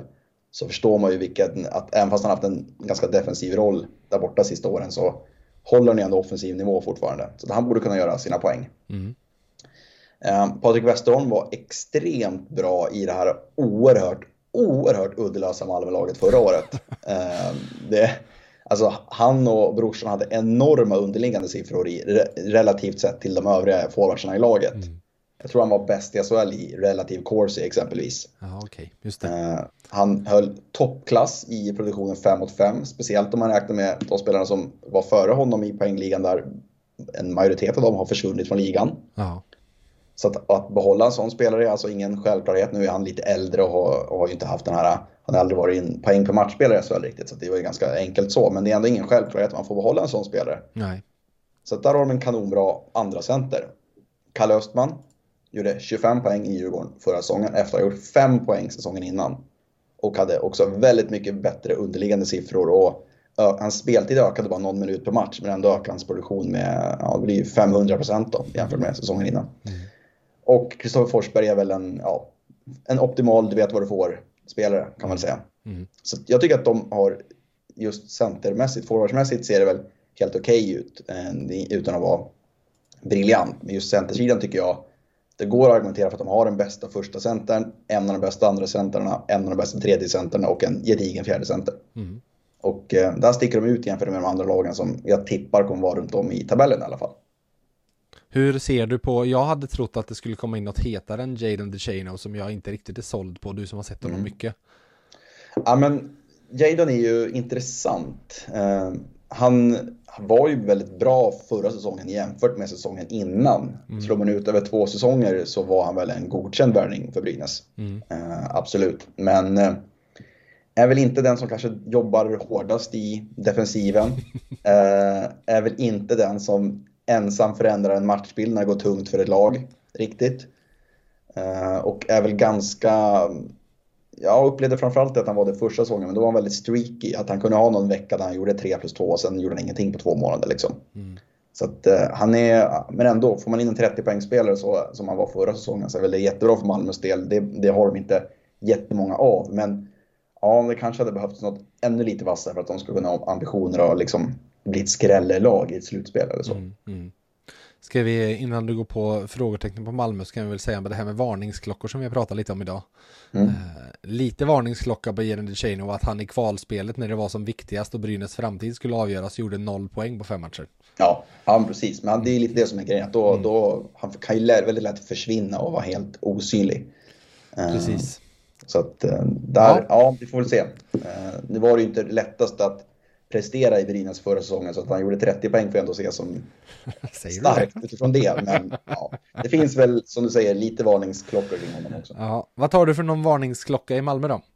Jo, där tar jag faktiskt det, här, det känns lite oväntat men när jag kollar lite närmare så ser man att förra säsongen, visst de kom nia med ett ganska taskigt lag. Visst, det kom in ett ny, egentligen en ny powerplay-formation under säsongen med, med Hashley och nordamerikanerna och allt vad det Ja, precis. Så att de fick ändå in en lite spetsigare offensiv. Eh, men deras underliggande siffror var direkt dåliga. Kollar man så förväntade mål framåt, förväntade inspelade poäng, så var Malmö ett kvallag. Mm. Och det tycker jag att det är ju oroväckande. Hur mycket lever man då, leder de på Oskar Alsenfelt? Mm. Nu är han borta här ett tag i början av säsongen. Jag tror att Daniel Marmelind kommer vara utmärkt i SHL-nivå. Jag tror han kommer, alltså, jag tror inte det kommer märkas alls att han är ny på, på den nivån. De tog in Leland Irving nu som paniklösning eh, fram till dess att Alsenfelt kommer tillbaka. Det är lite oklart när Alsenfelt kommer tillbaka.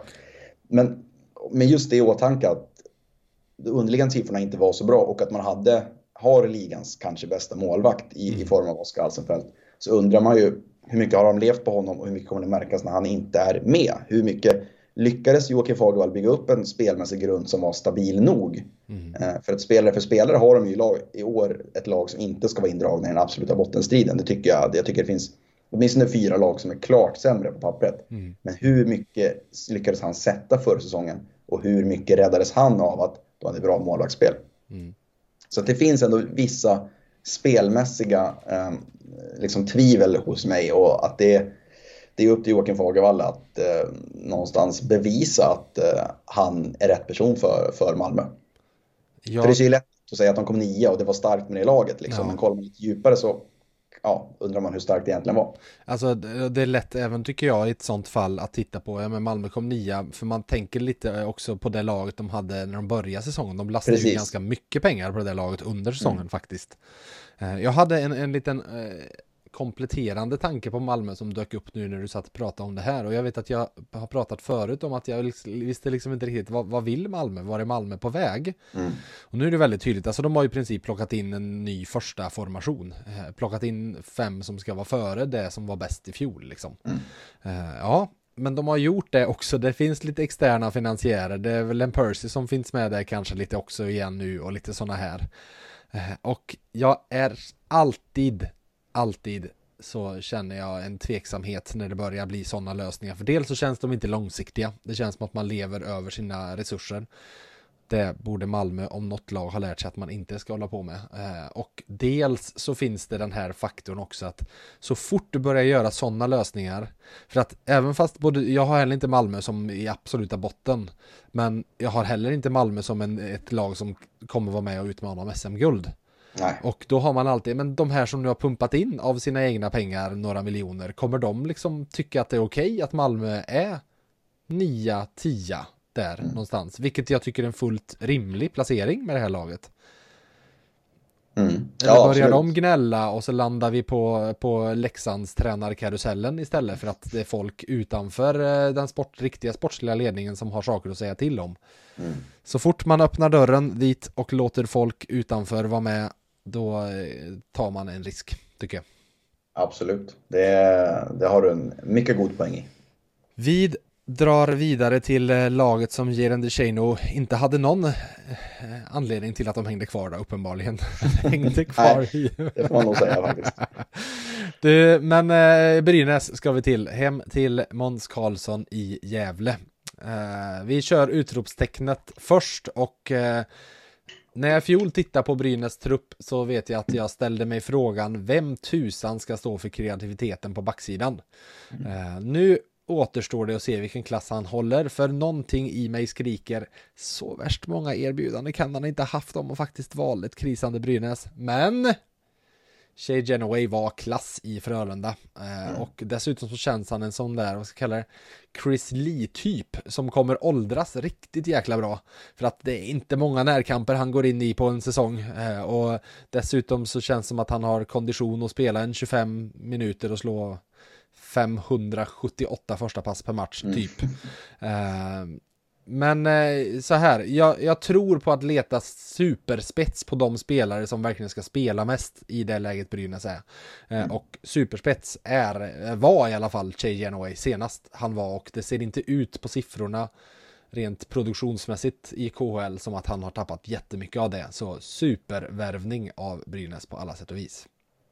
Ja, det är ju helt enkelt så att han och Simon Bertilsson kommer väl behöva spela 24 minuter var typ. Att ja. de är på isen större delen av matchen för att de ska ha en backsida som, som håller helt enkelt. Så enkelt är det ju. Ja. Du, vi hoppar på frågetecknet. Alltså, svårt att hitta något var, frågetecken. Var ska man börja? Precis, allt ja. känns ju så glasklart i Brynäs. Ja, precis. Eller ja, nej, okej. Okay. Alltså att ha en, en sportslig redning som inte finns kvar, som värvade spelare i det lag som nu ska spela. En styrelse som inte finns kvar, som skrev ett långtidskontrakt med en helt grön sportchef som den nya ordföranden, initialt sett i alla fall, inte stod bakom. Är ju glasklart. Och dessutom så verkar de styras av Josef Boumedienne på något konstigt sätt. Som trots att han varken jobbar där eller hans CV i klubben, ja, visst det har, en, det har en väldigt fin prick över i hans CV i Brynäs, men det är ju typ 20 dagar långt liksom. Mm. Eh, ska vi säga så här då, jag, jag, jag, utnämner säsongen som kommer nu till den viktigaste i Brynäs historia. Eh, för de där varningsklockorna som vi pratat om, alltså de klingar och klingar och klingar på så otroligt många sätt kring hela det här laget. Att om de åker ur så ser jag snarare ett modoscenario än ett lag mm. som bara studsar tillbaka upp igen.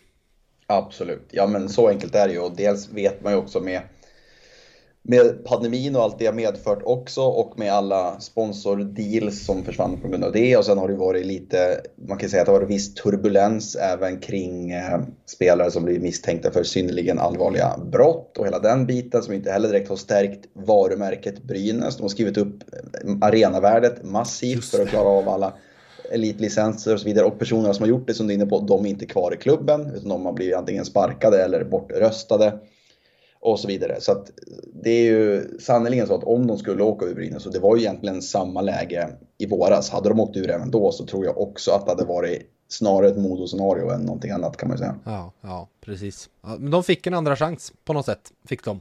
Ja, eh, verkligen. Och, rädda det här. Men i det här jag var inne på, är inte det bland det märkligaste i allting som har hänt det här med att Johan Alsen blev sportchef från ingenstans och mm. utsedd av dem som inte är kvar? Det var det sista de gjorde. Ja, det är ju otroligt märkligt och de presenterade ju även det under årsmötet där hela styrelsen blev bortröstad. Uh, så ja, för att dra ytterligare. Och, och, det var ju inte, det var ingen, alltså det var ju ingen kris på tal, alltså laget var ju typ klart. Mm.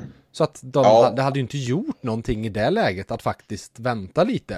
Uh. Nej, och man undrar ju, man undrar ju också hur de kom fram till just Johan Alsen då. jag tror ju att tanken var att absolut få in honom i sportsliga, men att de nu skulle ha en ännu mer ansvarig på plats. De har ju snackat om att de ska ta in en general manager som ska styra och sen har Alsen som sportchef på det här laget och Erika Gran då för, för damlaget. Men någon general manager har man inte sett röken av än så länge i alla fall. Nej. Så att nu är det Johan Alsen som kastades in i det där och fick eh, lösa resten så att säga med hjälp av eh, Josef Boumedienne då som ju har varit i kulisserna och verkat i alla fall. Ja, det är väl Men, han som har rekryterat Mikko Manner som tränare.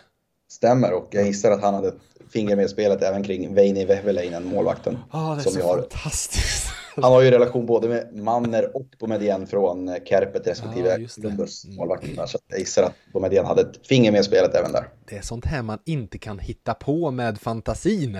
Nej, men det är ju det är verkligen så. Jag vet, jag nämnt det någon gång tidigare också, att här, varje gång förra säsongen man kände ja men nu kan det inte bli värre eller nu kan det inte bli rörigare. Så dök det upp någonting nytt, någonting nytt och sen när de och sen liksom när de väl hade klarat kontraktet, då dök det upp nya anklagelser mot spelare och sen kom hela styrelsegrejen och så kom Johan Alsen-grejen och så blev det ingenting med Bomed igen och så blev det den och den och den och den. Så det fortsatte, det har kommit nya saker hela, hela, hela tiden. Brynäs IF Hold My Beer. Ja, du, eh, lag 6 på din lista, vilket, eh, var tar vi oss från Gävle? Vi åker till Ängelholm. Mm, trevligt, så, tillbaka till tur och retur Skåne-Gävle. Vad sa du nu? Tur och retur Skåne-Gävle. Ja, men precis. Och eh, vi börjar eh, utropstecken även där känner jag. Och det här kanske, det är väl lite abstrakt kanske, men det känns som att Rögle BK har ligans bästa utvecklingsmiljö just nu. Mm. Det är dit spelare går för att ta steg. Det som de tidigare gjorde, då gick man liksom till Frölunda i samma situation, för då visste man, där gick man från en bra SHL-spelare till att få NHL-kontrakt. Mm. Nu vill man göra, göra samma resa i Rögle. Eh, det är liksom, man har ju sett det med, med Leon Bristedt som kom dit och blev en toppspelare. Man såg Moritz Seider, det var ingen slump att han placerades i Detroit, eller Detroit placerade honom i, i Rögle. Nej. Um, Erland Tambellini lyckades, de locka, till sig inför förra säsäsongen. Ludvig Larsson, Oskar Ståhl Lyrenäs kommer dit nu för nu känner väl de att de vill ta steg och kanske komma ut i världen och spela hockey igen. Mm. Uh, det är ingen slump att William Wallinder och William Strömgren väljer spel i Rögle det, det, är liksom, det är knappt en spelare som har misslyckats där egentligen. Det är väl Jakob Ragnarsson som gjorde tre, fyra matcher för några år sedan mm. Eh, och sen försvann lika snabbt igen.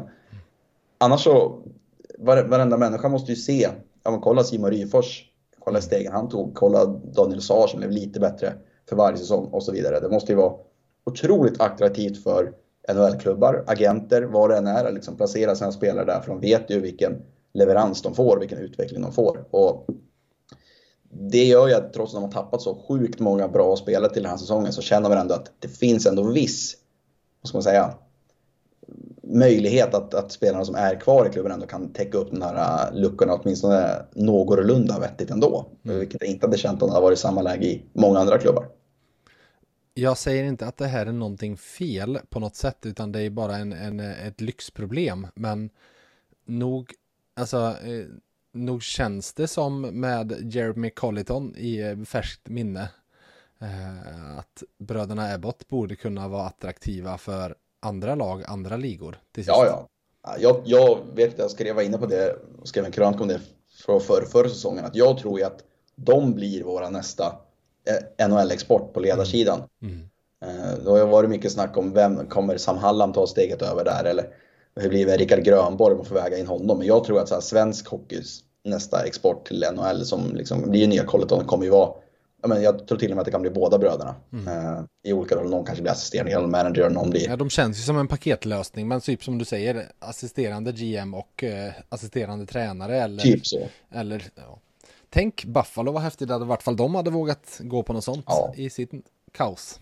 Mm. Verkligen. Ja, ja.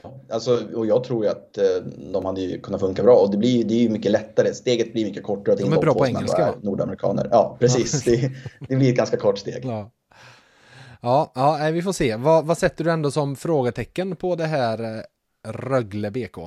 Ja, med allt det jag sa tidigare. Att ersätta Niklas Hansson, Moritz Seider, Erik Jellinas, ja, Joey LaLeggia om vi ska väga in honom också som inte är något supertapp på backsidan med Tony Sund och Ryan, nu är det osäkert med uttalet, men Ryan McKiernan mm. möjligtvis. Det är en, känns ändå lite suspekt. Eh, de måste utgå från att typ William Wallinder, Samuel Jonsson, Samuel Johannesson, Lukas Ekeståhl Jonsson som har sett bra ut på försäsongen, att de verkligen tar stora kliv och kan ersätta de som har försvunnit. För att mm. jag, jag har svårt att se att de ändå kan få en lika väl fungerande backsida som förra säsongen. Eh, de gjorde dels en hel del poäng, Jelenas och Saidi framförallt, men även att de var väldigt bra defensivt i Rögle förra året. De släppte till näst minst skott i egen skottsektor och släppte in väldigt få mål och så vidare. Så att, mm, jag tror att det kommer bli en ny back från Chris Abbott eh, innan eh, jul, innan nyår tror jag att de kommer känna att det är någonting som saknas på, på backsidan. Har du, har du, jag har inte sett Rögle någonting under första säsongen. Har du sett Ryan McKiernan något? För jag har faktiskt hört väldigt gott om honom från eh, tyska, tyskt mm. håll.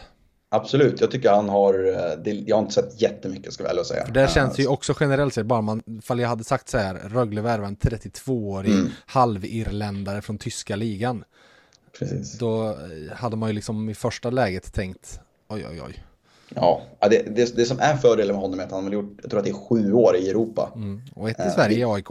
Precis, eh, vilket gör att man känner kanske lite mindre skepsis jämfört med om eh, de här Linköpingsvärvningarna. Inga mm. namn nämnda, men eh, du, du anar kanske vem jag tänker på. Eh, nej, men det, nu det finns ändå viss... nej, men det finns ändå viss trygghet tycker jag i där. Men ja, jag undrar om det går att ersätta de tre som har förlorat med de två, för jag tänker inte ändå räkna William Wallinder där som ändå är ung. Eh, men de två de plockat in, om, mm, kan de verkligen ersätta de tre? Nej, det vore sensationellt. Alltså eh, Ryan McKiernan kan ju vara jättebra och fortfarande inte vara i närheten av Moritz Seiders klass som han höll ja, förra säsongen. Det är ju där att ribban ligger så fruktansvärt högt upp för. Ja, och även Seider och Jelena ihop var ju, passade väldigt bra där. Ja. Eh, så de, de två tillsammans var inte bara att det var två bra backar utan det var ett otroligt bra backpar. Mm, mm, vilket gör exakt. det ännu mer svårare. Ja. Du, vi flyger vidare. Eh, vi flyger österut och eh, binder ihop en liten säck igen när jag tar frågetecknet hos IK Oskarshamn. Eh, alltså, ja, jag förstår, han kanske inte var den som jobbar allra hårdast, men jag kan för allt i världen inte förstå hur det inte kunde finnas plats för Tyler Kelleher. Alltså, nu, eh, han hade inte utgående kontrakt, han hade kontrakt och Oskarshamn ville bli av med honom. Eh, mm. alltså hur det inte kan finnas plats i honom i Oskarshamns lagbygge när det finns plats för Dale Weiss. Alltså, kan du någonsin Måns minnas att ett bottenlag i SHL fall de nu köpte ut honom eller fall det bara bröts, men aktivt vill göra sig av med en spelare som direkt sen skriver på för ett topplag. Nej, inte på det här sättet. Uh, det exemplet jag möjligen kan komma på, för att ta ett lokalt exempel, det är ju Jusso Ikonen som ju inte platsade i ja, Djurgården sig, som när de var ett bottenlag och gick till Brynäs som gick till final, där han liksom var en bärande spelare. Men det var ju lite annorlunda. Jag menar, Tyler Keller har, har ju ändå varit Oskarshamns mest produktiva Precis. spelare om man ser de här två åren. Så där är ju ändå den stora skillnaden. Ja, ja, ja, ja, så där är mitt frågetecken på Oskarshamn. Ja. Jag fattar inte grejen. Eh, det, det, känns som att det måste finnas någonting som vi inte vet kring mm. det för att det, nej, jag, jag förstår inte. Men hela hans tid i Oskarshamn har ju varit väldigt konstig. För oavsett vem det är som varit tränare, om det var Ålund eller Perre eller Filander, så har han ju nästan gått från att vara första kedjespelare eller så är han trettonde forward. Ja. Och så han, ibland har han varit toket och gjort eh, åtta poäng på fyra matcher. Sen är han extra forward i två veckor efter det. Alltså de har hållit på så under ja. båda de här säsongerna. Så det är någonting som är väldigt konstigt och udda med, med hans situation. Ja, Eh, vi hoppar på utropstecknet eh, och eh, ifall vi ska prata om generella koncept så tror jag ju inte riktigt på det här att värva någon för att vara kompis till någon. Alltså, han var ensam transatlant så vi var tvungna att plocka hit en till och så vidare. Men jag ska även säga att jag tror verkligen på konceptet att i verkligen, istället för att bara värva en ensam import så värva två som dessutom trivs ihop och vill spela och uppenbarligen kan spela ihop. Så jag vet inte om du har hört min intervju med Johan Penneborn, men där lyfte ju han fram Sohorna som möjlig poängligavinnare. Mm. Det var ytterst oklart om det var Hynek eller Thomas, det framkom aldrig riktigt. Men någon, någon jäkla Sohorna eller i Oskarshamn skulle i alla fall vinna poängligan. Mm. Uh, och även om, jag, jag får väl villigt erkänna, och det hördes nog då också, att jag blev otroligt förvånad över Pennans val, så tror jag han eh, just, jag tror det fanns en liten mängdfaktor med i hans resonemang att han tänker att de lär få massvis med speltid, de mm. två checkarna i Oskarshamn. Och givetvis, får man spela mycket så blir det lättare att göra många poäng så sett. Eh, men jag tror på värvningarna och det är lite lustigt, tittar man på deras historik så kan även lägga till lillebrorsa Radim i Pittsburgh så allihop är late bloomers. De har liksom slagit igenom ordentligt. Någon när har varit 24-25 liksom gått från att i tjeckiska ligan var en okej okay spelare till att göra mycket poäng. Någon av dem, jag tror det var Hynek, som slog igenom när han var typ 28 och plötsligt började göra massa poäng och sen hamnade i KL och gjorde mycket poäng där och så. Så att det är väl bara för Oskarshamn att hoppas att det är en 31-åring, 33-åring som nu är i läget i karriären att de bara spricker upp i den allra vackraste av midsommarblom eh, eller något sånt. Eh, för det kommer ju givetvis behövas. Vad tror du? Flipp eller flopp? Mer åt flipphållet måste jag ändå säga att jag mm. tror. Eh, det är ju alltid svårt att bedöma, om man nu, vi sa tidigare att man är kanske rasistisk om man tänker så som vi gjorde om Andrew Calof. Men det, det, är ju lätt att ställa sig skeptisk till, ja nu kommer en 31-årig tjeck, ja vad ska han till, till Sverige göra? Han bryr sig väl inte om Oskarshamn för fem öre liksom. Så det gäller ju att ha tur eller fingertoppskänsla, hur man nu vill, vill se det. Så, men jag tror ändå att de är så pass bra spelare och framförallt, som ni är inne på, att de kommer få massor med speltid. För det som händer nu är att de som var första kedja i Oskarshamn förra året kan ju vara andra kedja nu och så vidare ner. Så de har ju faktiskt en helt okej okay forwardsida nu skulle jag säga med de här två, om de faller väl ut vill säga. Mm, mm. Sen har vi faktiskt inte berört det faktumet att vi, eh, vi en 31 och 33-årig tjeck, han har ju uppskattningsvis 10 till 15 år kvar på karriären minst. Så att de är ju bara i mitten av sin karriär så att det är ju prime nu liksom. Exakt. Och det är ju intressant för att just den här säsongen har ju vi sett en väldigt tydlig trend med att KHL-spelare som normalt sett inte väljer spel i Sverige, nu var det väl, hade de här också varit i Tjeckien om jag minns rätt förra säsongen, men att de väljer spel i Sverige den här säsongen. Vi har sett flera tjecker som gör det med Hansel i Timrå. Då. Vi har sett flera finländare som gör det med Ruhoma och, och så vidare. Uh, Shay Ganaway, också en sån som mm. mm. borde ha fått nytt KL-kontrakt kan man tycka. Så det känns som att SHL kanske har stått sig väldigt starkt i pandemin eller att de väljer att chansa på att de ska kunna komma ur väldigt snabbt och får att eh, de ger eh, ekonomiskt bra bud här till mm. spelare som typ Sohorna och Hansel och gänget. Och att alla SHL-sportchefer inte överhuvudtaget såg Wojciech Mosik spela hockey i Färjestad och förstod vad svårt en bra KHL-spelare kan ha att anpassa sig till SHL. Nej, det kan vi väl lugnt säga. Ja, du, vi har två lag kvar, va? Eller hur? Mm. Vi, ska vi spara det, inte det bästa, men det, det som, eh, vi, vi vill ju behålla lyssnarna så länge som möjligt. Ja, precis. Och, så och det, blev det kanske det... är det bästa också. Det får vi se. vi får se. Eh, men eh, likväl, jag tycker vi gör så här, för att vi har ju hamnat, det, det blev lite rörigt här.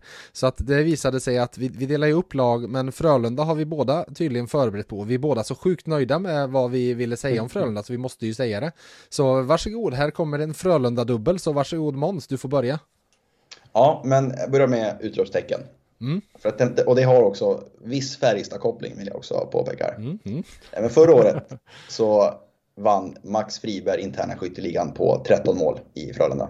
Ja, det är inte starkt. Nej. Trett, nej, och det vet vi inte minst i Färjestad, för Jakob Nilsson gjorde ju 13 mål förra året och honom jagade man ju ut från stan så fort tillfälle gavs. Eh, så det säger väl ändå en del. Eh, Max Friberg vann poängligan, 29 poäng. Ryan Lash gjorde 30 poäng i elitserien för 10 år sedan när han var i Södertälje och det är hans sämsta säsong i Sverige. Säger också någonting. Ja, det gör det. De, eh, Frölunda hade förra säsongen tredje eh, flest skott på mål, näst flest i offensiv skottsektor.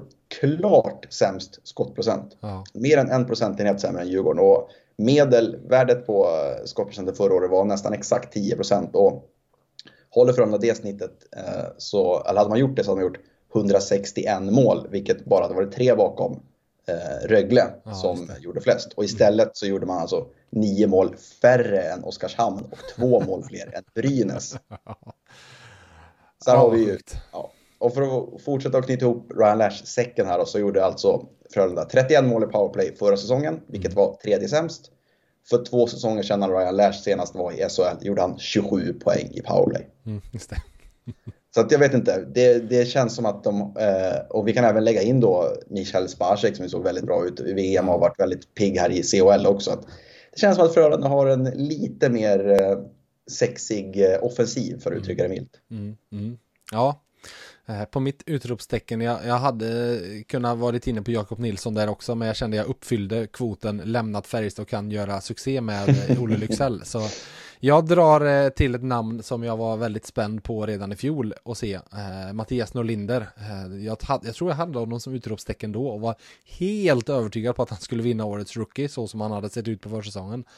Mm. så vi får väl säga att det var sjukt förvånande att han landade på 10 poäng på hela grundserien. Fem mål och fem assist. Men Sen gjorde han typ fem poäng på sju slutspelsmatcher, gjorde tre mål och visar väl, gjorde ju något grymt mål där mot Djurgården, eller hur? Mm, stämmer. Eh, så visar ju lite där vad han kan. Så vi säger så här då, han får sitt SHL-genombrott nu. 10 mål, 17 assist, VM-spel och flytt till Montreal. Ja, 10 plus 17, det är antecknat. Mm, bra. Mm.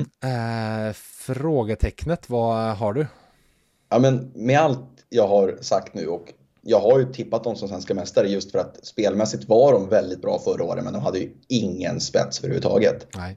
Men med allt det sagt, vad hände i slutspelet? Alltså de förlorade fyra raka matcher mot Rögle och hade 23 i målskillnad negativt sett. Då. Tre gjorda mål, 20 insläppta på fyra matcher mot Rögle. Mm. Alltså det, det, går liksom inte att komma ifrån det och även om jag är, som sagt, är väldigt positivt inställd till laget, tror att de vinner guld. Jag, jag bettar på att de gör en Växjö, att de studsar tillbaka efter ett par mm. tuffa år och liksom allting faller på plats och de är det här Frölunda som de var för ett par år sedan. Men frågan måste ändå ställas. Har Roger Rönnberg kört fast? Mm. Har det här ständiga bytet av assisterande coacher som jag, det har varit en otrolig rullians även där med mm. spelare eller tränare som värvas till andra klubbar och så vidare. Är det det som till slut har ja. börjat liksom blivit problematiskt för Frölunda att det blir så mycket förändringar där? Eller är det Roger Rönnberg som har kört fast och inte hittat? Eller är det helt enkelt bara så att med Ryan Lash tillbaka laget så löser sig det mesta. Så det, man måste ändå ställa frågan. Det här är en väldigt viktig säsong för Roger Rönnberg och frågan är klarar han av en till sjunde plats? Hur länge får han förtroendet? Har han råd att göra så mycket mer än en svag säsong till? Mm. Ja, jag är inne på väldigt liknande i frågetecken. Vi kan börja med det här. Alltså att Roger Rönnberg är 50 år, visst är det helt sjukt? ja, Han ser ju ut som han är typ 35 fortfarande. Ja.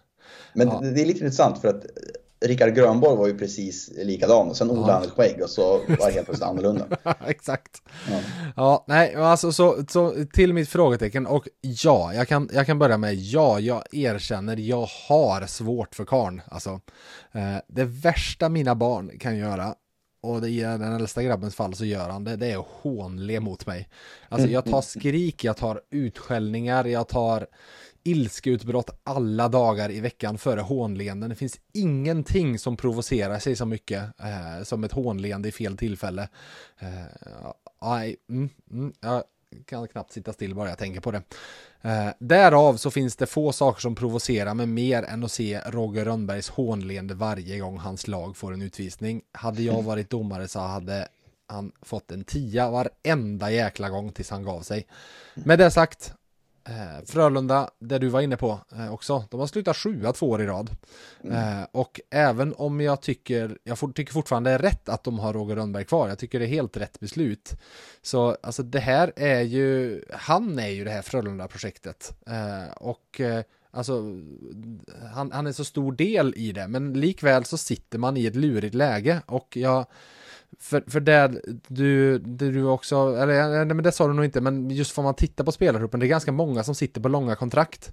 Mm. Eh, och några stora förändringar i spelargruppen, de har gjort mer den här sommaren än vad jag trodde de skulle ha möjlighet att göra. Eh, men det, det, är svårt att göra så mycket mer med den truppen som finns. Och vad finns det då för några alternativ? Ja, det är ju att byta tränare om det kör fast liksom. Om det skulle mm. fortsätta med att de fortsätter Eh, jag, jag, tror ju också på samma resonemang som du sa att de kommer ju inte skjuta så få mål på alla de chanserna i år. Men om de skulle göra det igen då? Ja, vad hade alla andra lag i det läget gjort? Jo, de hade bytt tränare. Mm. Eh, och ja, alltså Roger Rönnberg skrev ett femårskontrakt inför förra säsongen. Han har fyra år kvar på kontraktet. Eh, och det är bara att titta här i Karlstad. Alltså Färjestad sparkade Niklas Czarnecki några, några månader in i hans treårsavtal och det var ett beslut som klubben fick dras med de ekonomiska följderna av i flera säsonger och jag vet att dåvarande ordförande Sture Emanuelsson var inne på att det här lärde vi oss en läxa, så det långt kontrakt kommer vi aldrig någonsin skriva med en tränare som vi inte liksom kan innan och utan igen och så mm. vidare. Eh, Frölunda har gått all in på Roger Rönnberg. Eh, jag klandrar dem inte för att de har gjort det, men de har likväl gjort det. Och när man går all in på någonting så vinner man allt eller så förlorar man allt. Det finns inget mellanting. Lite så känner jag. Ja, men lite så. Så det är en viktig fingervisning om hur framtiden för Frölunda ser ut kommer vi nog få se den här säsongen skulle jag säga. Ja, verkligen, verkligen. Då åker vi 26 mil nordöst från Göteborg och hamnar i Karlstad. Ja, här finns det ju, det finns ju mycket att prata om när det gäller Färjestad i år. Det är inte bara för att det är en, en, en, en podd som främst kanske riktas till en eh, värmländsk publik. Utan Färjestad är ju snackisen på stan lite överallt om man säger så. Mm. Så här, jag börjar med frågetecken. Mm. För att inte folk ska minnas mig som någon gnällig eh, människa så slutar jag vara lite, med lite positiv smart, istället. Smart. Du ja. vill kunna besöka Karlstad Exakt. någon gång framöver. Ja, det är bra. Precis. Jag har tippat Färjestad som eh, seriesegrare mm. Eh, och tror såklart att de kan vinna SM-guld. Det vore dumt att säga någonting annat och de får nog finna sig i att vara favoriter. Så enkelt är det. Mm. Så det enda jag egentligen tänker göra här det är att försöka nyansera bilden lite. Mm. Eh, för att så här. Backsidan är betydligt bättre än vad den var för ett par år sedan när Färjestad senast var, var topplag. Eh, Virtanen Wikstrand på plats båda två. Albert Johansson är ju en etablerad, ja men på gränsen till toppback i alla fall. Han har potential att bli en toppback den här säsongen. Mm. Så bara där ser det ju bättre ut. Forwardsidan består till ganska stor del av samma namn nu som den gjorde då. Mm. Men av någon anledning så blir det som att så fort en spelare har varit ute och sen värvas tillbaka så blir det liksom att oj, nu kommer han tillbaka, nu kommer han hem. Man blir helt plötsligt automatiskt en 5 plus-spelare liksom på något sätt. Och ja, jag är medveten om att de fick ju det här utlandskontraktet därför att de var jäkligt bra. Och jag sitter inte och säger att Linus Johansson eller Joakim Nygård eller Lillis eller vem den är, är något annat än en toppspelare i SHL-nivå. Men jag har hört mycket snack om att det är så här, ja, nästan lite lockout-känsla eller att det är 2000-talets bästa lag och allt sånt där. Men faktum är ju, om man ska vara riktigt, riktigt krass och sätta en etikett på spelarna så är ju de flesta av dem i alla fall, har ju nästan alltid varit just SHL-spelare. Mm. Både på gott och ont. Fördelen är ju att du vet att alla levererar i SHL, ja, förutom Jakob Delaros då som ju inte har varit jättemycket på, på den nivån utan har varit borta ganska länge. Men fördelen är att du vet precis vad du får, du behöver inte chansa på att värva in en nordamerikansk spets. Men nackdelen är ju också på ett sätt att ja, men du vet ungefär vad du får. Eh, om man ska vara sån. Så att det är ju liten, vad ska man säga, en liten bildnyansering. Och om man ska, jag vet det var någon som sa till mig att varför blir folk så hysteriska över en liksom kärngrupp av spelare som tillsammans har vunnit en slutspelserie? Och det är lite hårt att kanske säga som att slutspelet ställdes in 2020 liksom och vi vet inte vad, vad som hade hänt då. Men det kanske ändå ligger någonting i det. Mm. Men med det sagt så tycker jag ändå att Färjestad har på pappret det intressantaste och häftigaste laget i SHL sedan 2018. Men längre än så vill jag inte gå tillbaka i tiden. Även om vi bara isolerar forwardsidan heller. Utan det är ju Växjös drömlag där som jag tycker ändå är, var ännu vassare. Mm. Så att egentligen ingen, inget frågetecken utan mer bara att ja, men man kanske inte ska ha så kopiöst höga förväntningar på Färjestad. Jag tippar att de vinner serien, men jag tror inte att det blir något så här, ja, de vinner med, med en klackspark och vinner med, med åtta poäng eller med något sånt där. Utan jag tror att det kommer vara jäkligt jämnt och att de är ett av lagen som absolut är med där uppe och som jag tror är bäst över 52 omgångar. Men kanske inte över ett slutspel. Så att, eh, jag vet inte om det var ett frågetecken eller om det var ett, eh, en, en, en nyansering eller vad vi ska kalla det för. Men ja.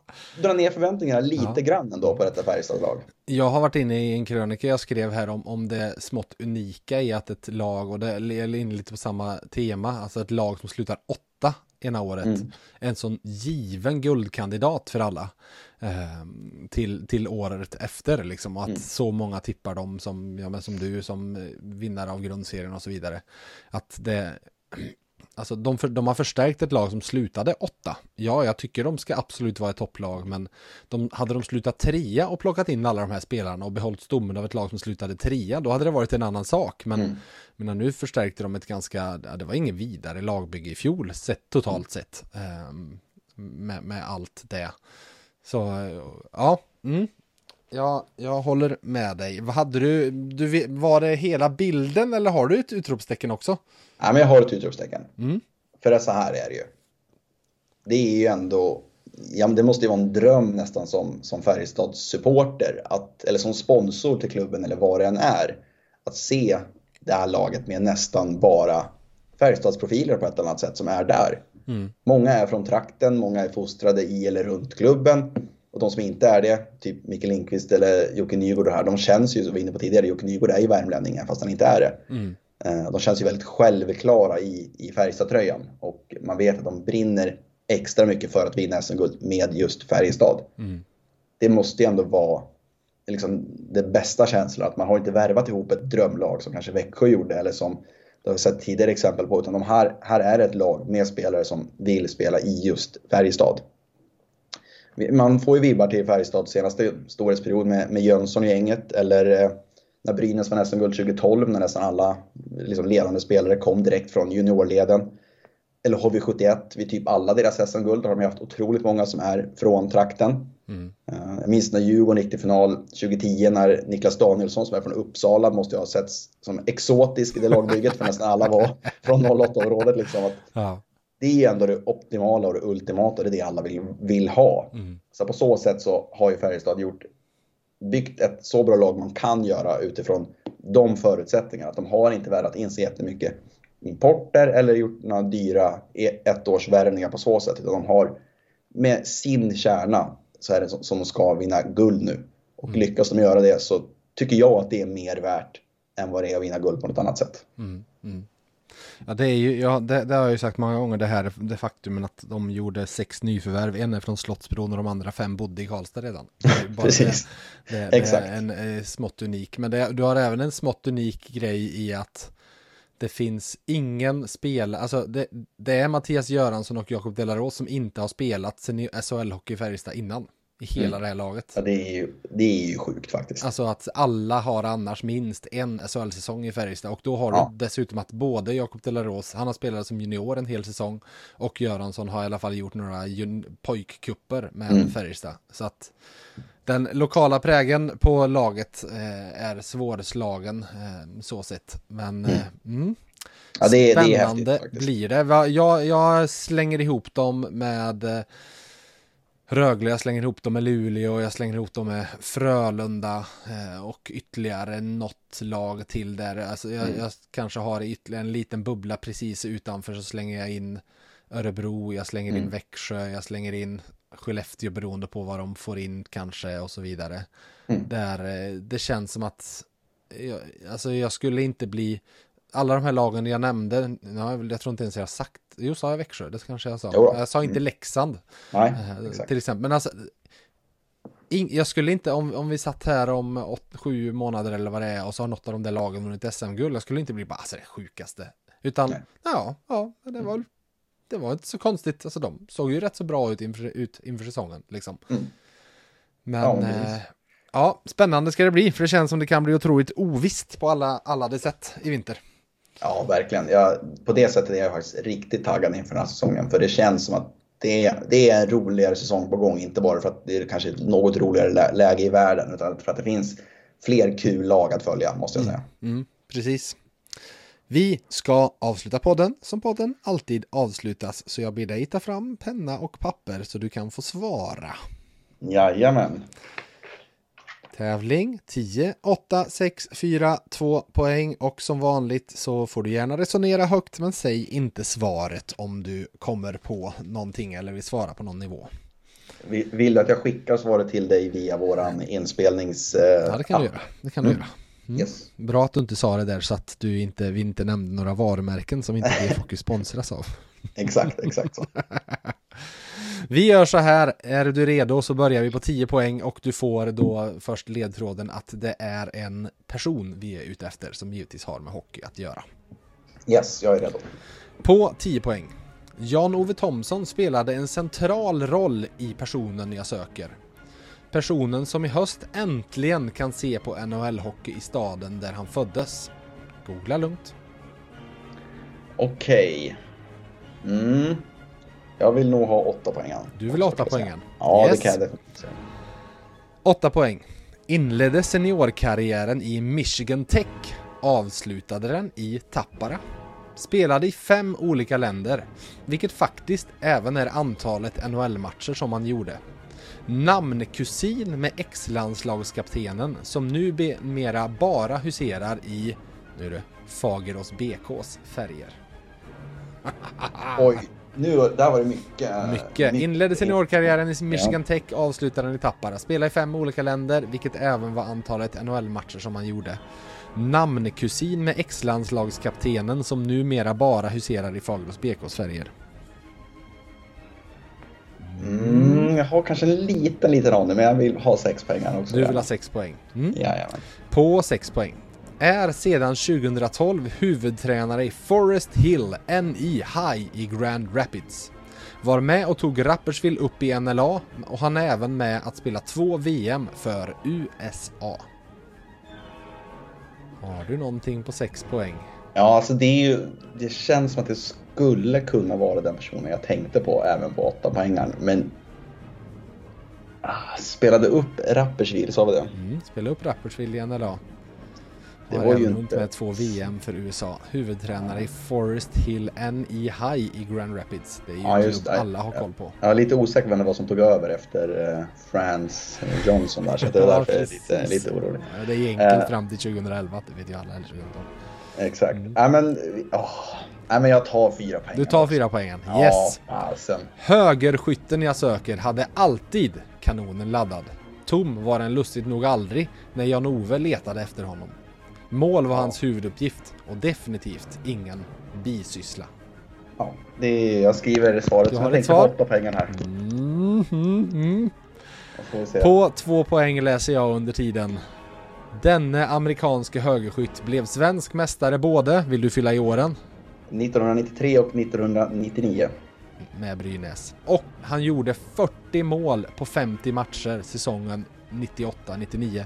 Tror för övrigt han vann skytteligan i SHL då med 12 måls marginal. sjukt.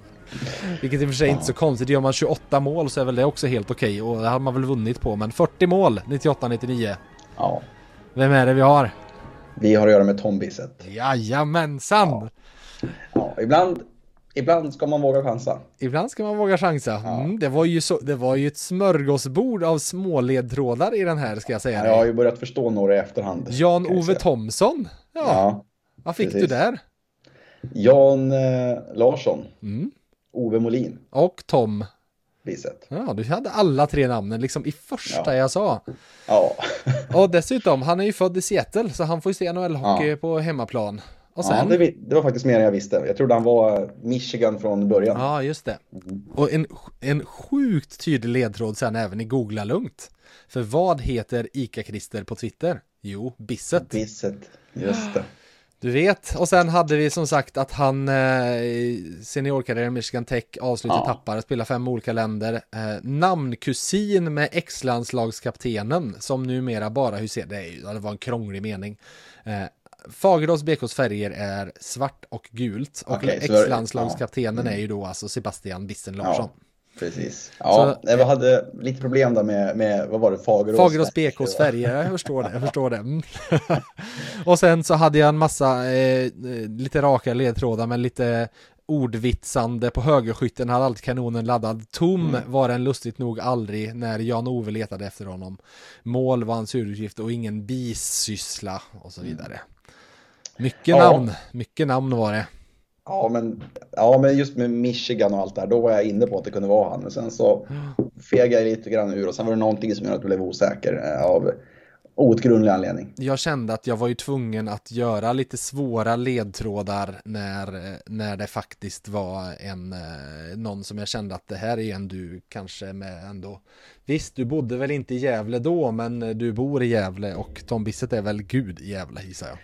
Ja, det är han verkligen. Han är faktiskt eh, otroligt eh, stor fortfarande. Han var ju på besök i stan här nu under sommaren och då var det minns, vet jag att eh, Gefle Dagblads journalist Sasse Sandström la upp en bild på honom, Ove Molin och Per Jos när de återförenades där och det var en like-raket på Twitter kan jag säga. Så han, han, är fortfarande otroligt populär här faktiskt.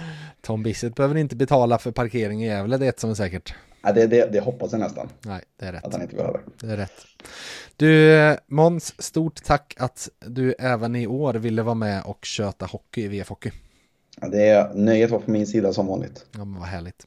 Till er andra, där har ni fått den eh, fyrstegsraketen som eh, vi alltid ger er här inför SHL-säsongen. Med Silly Season, med eh, Flipp och Flopp med Johan Svensson, med Sanne Lindström plusbetyg, med lång Johan Penneborn intervju och med utropstecken och frågetecken med Måns Karlsson. Så nu är vi redo. Nu kan det få dra igång. Men eh, VF Hockey fortsätter ju som ni vet hela hockeysäsongen. Vi hörs om ett par veckor igen. Tills dess, ha det gött!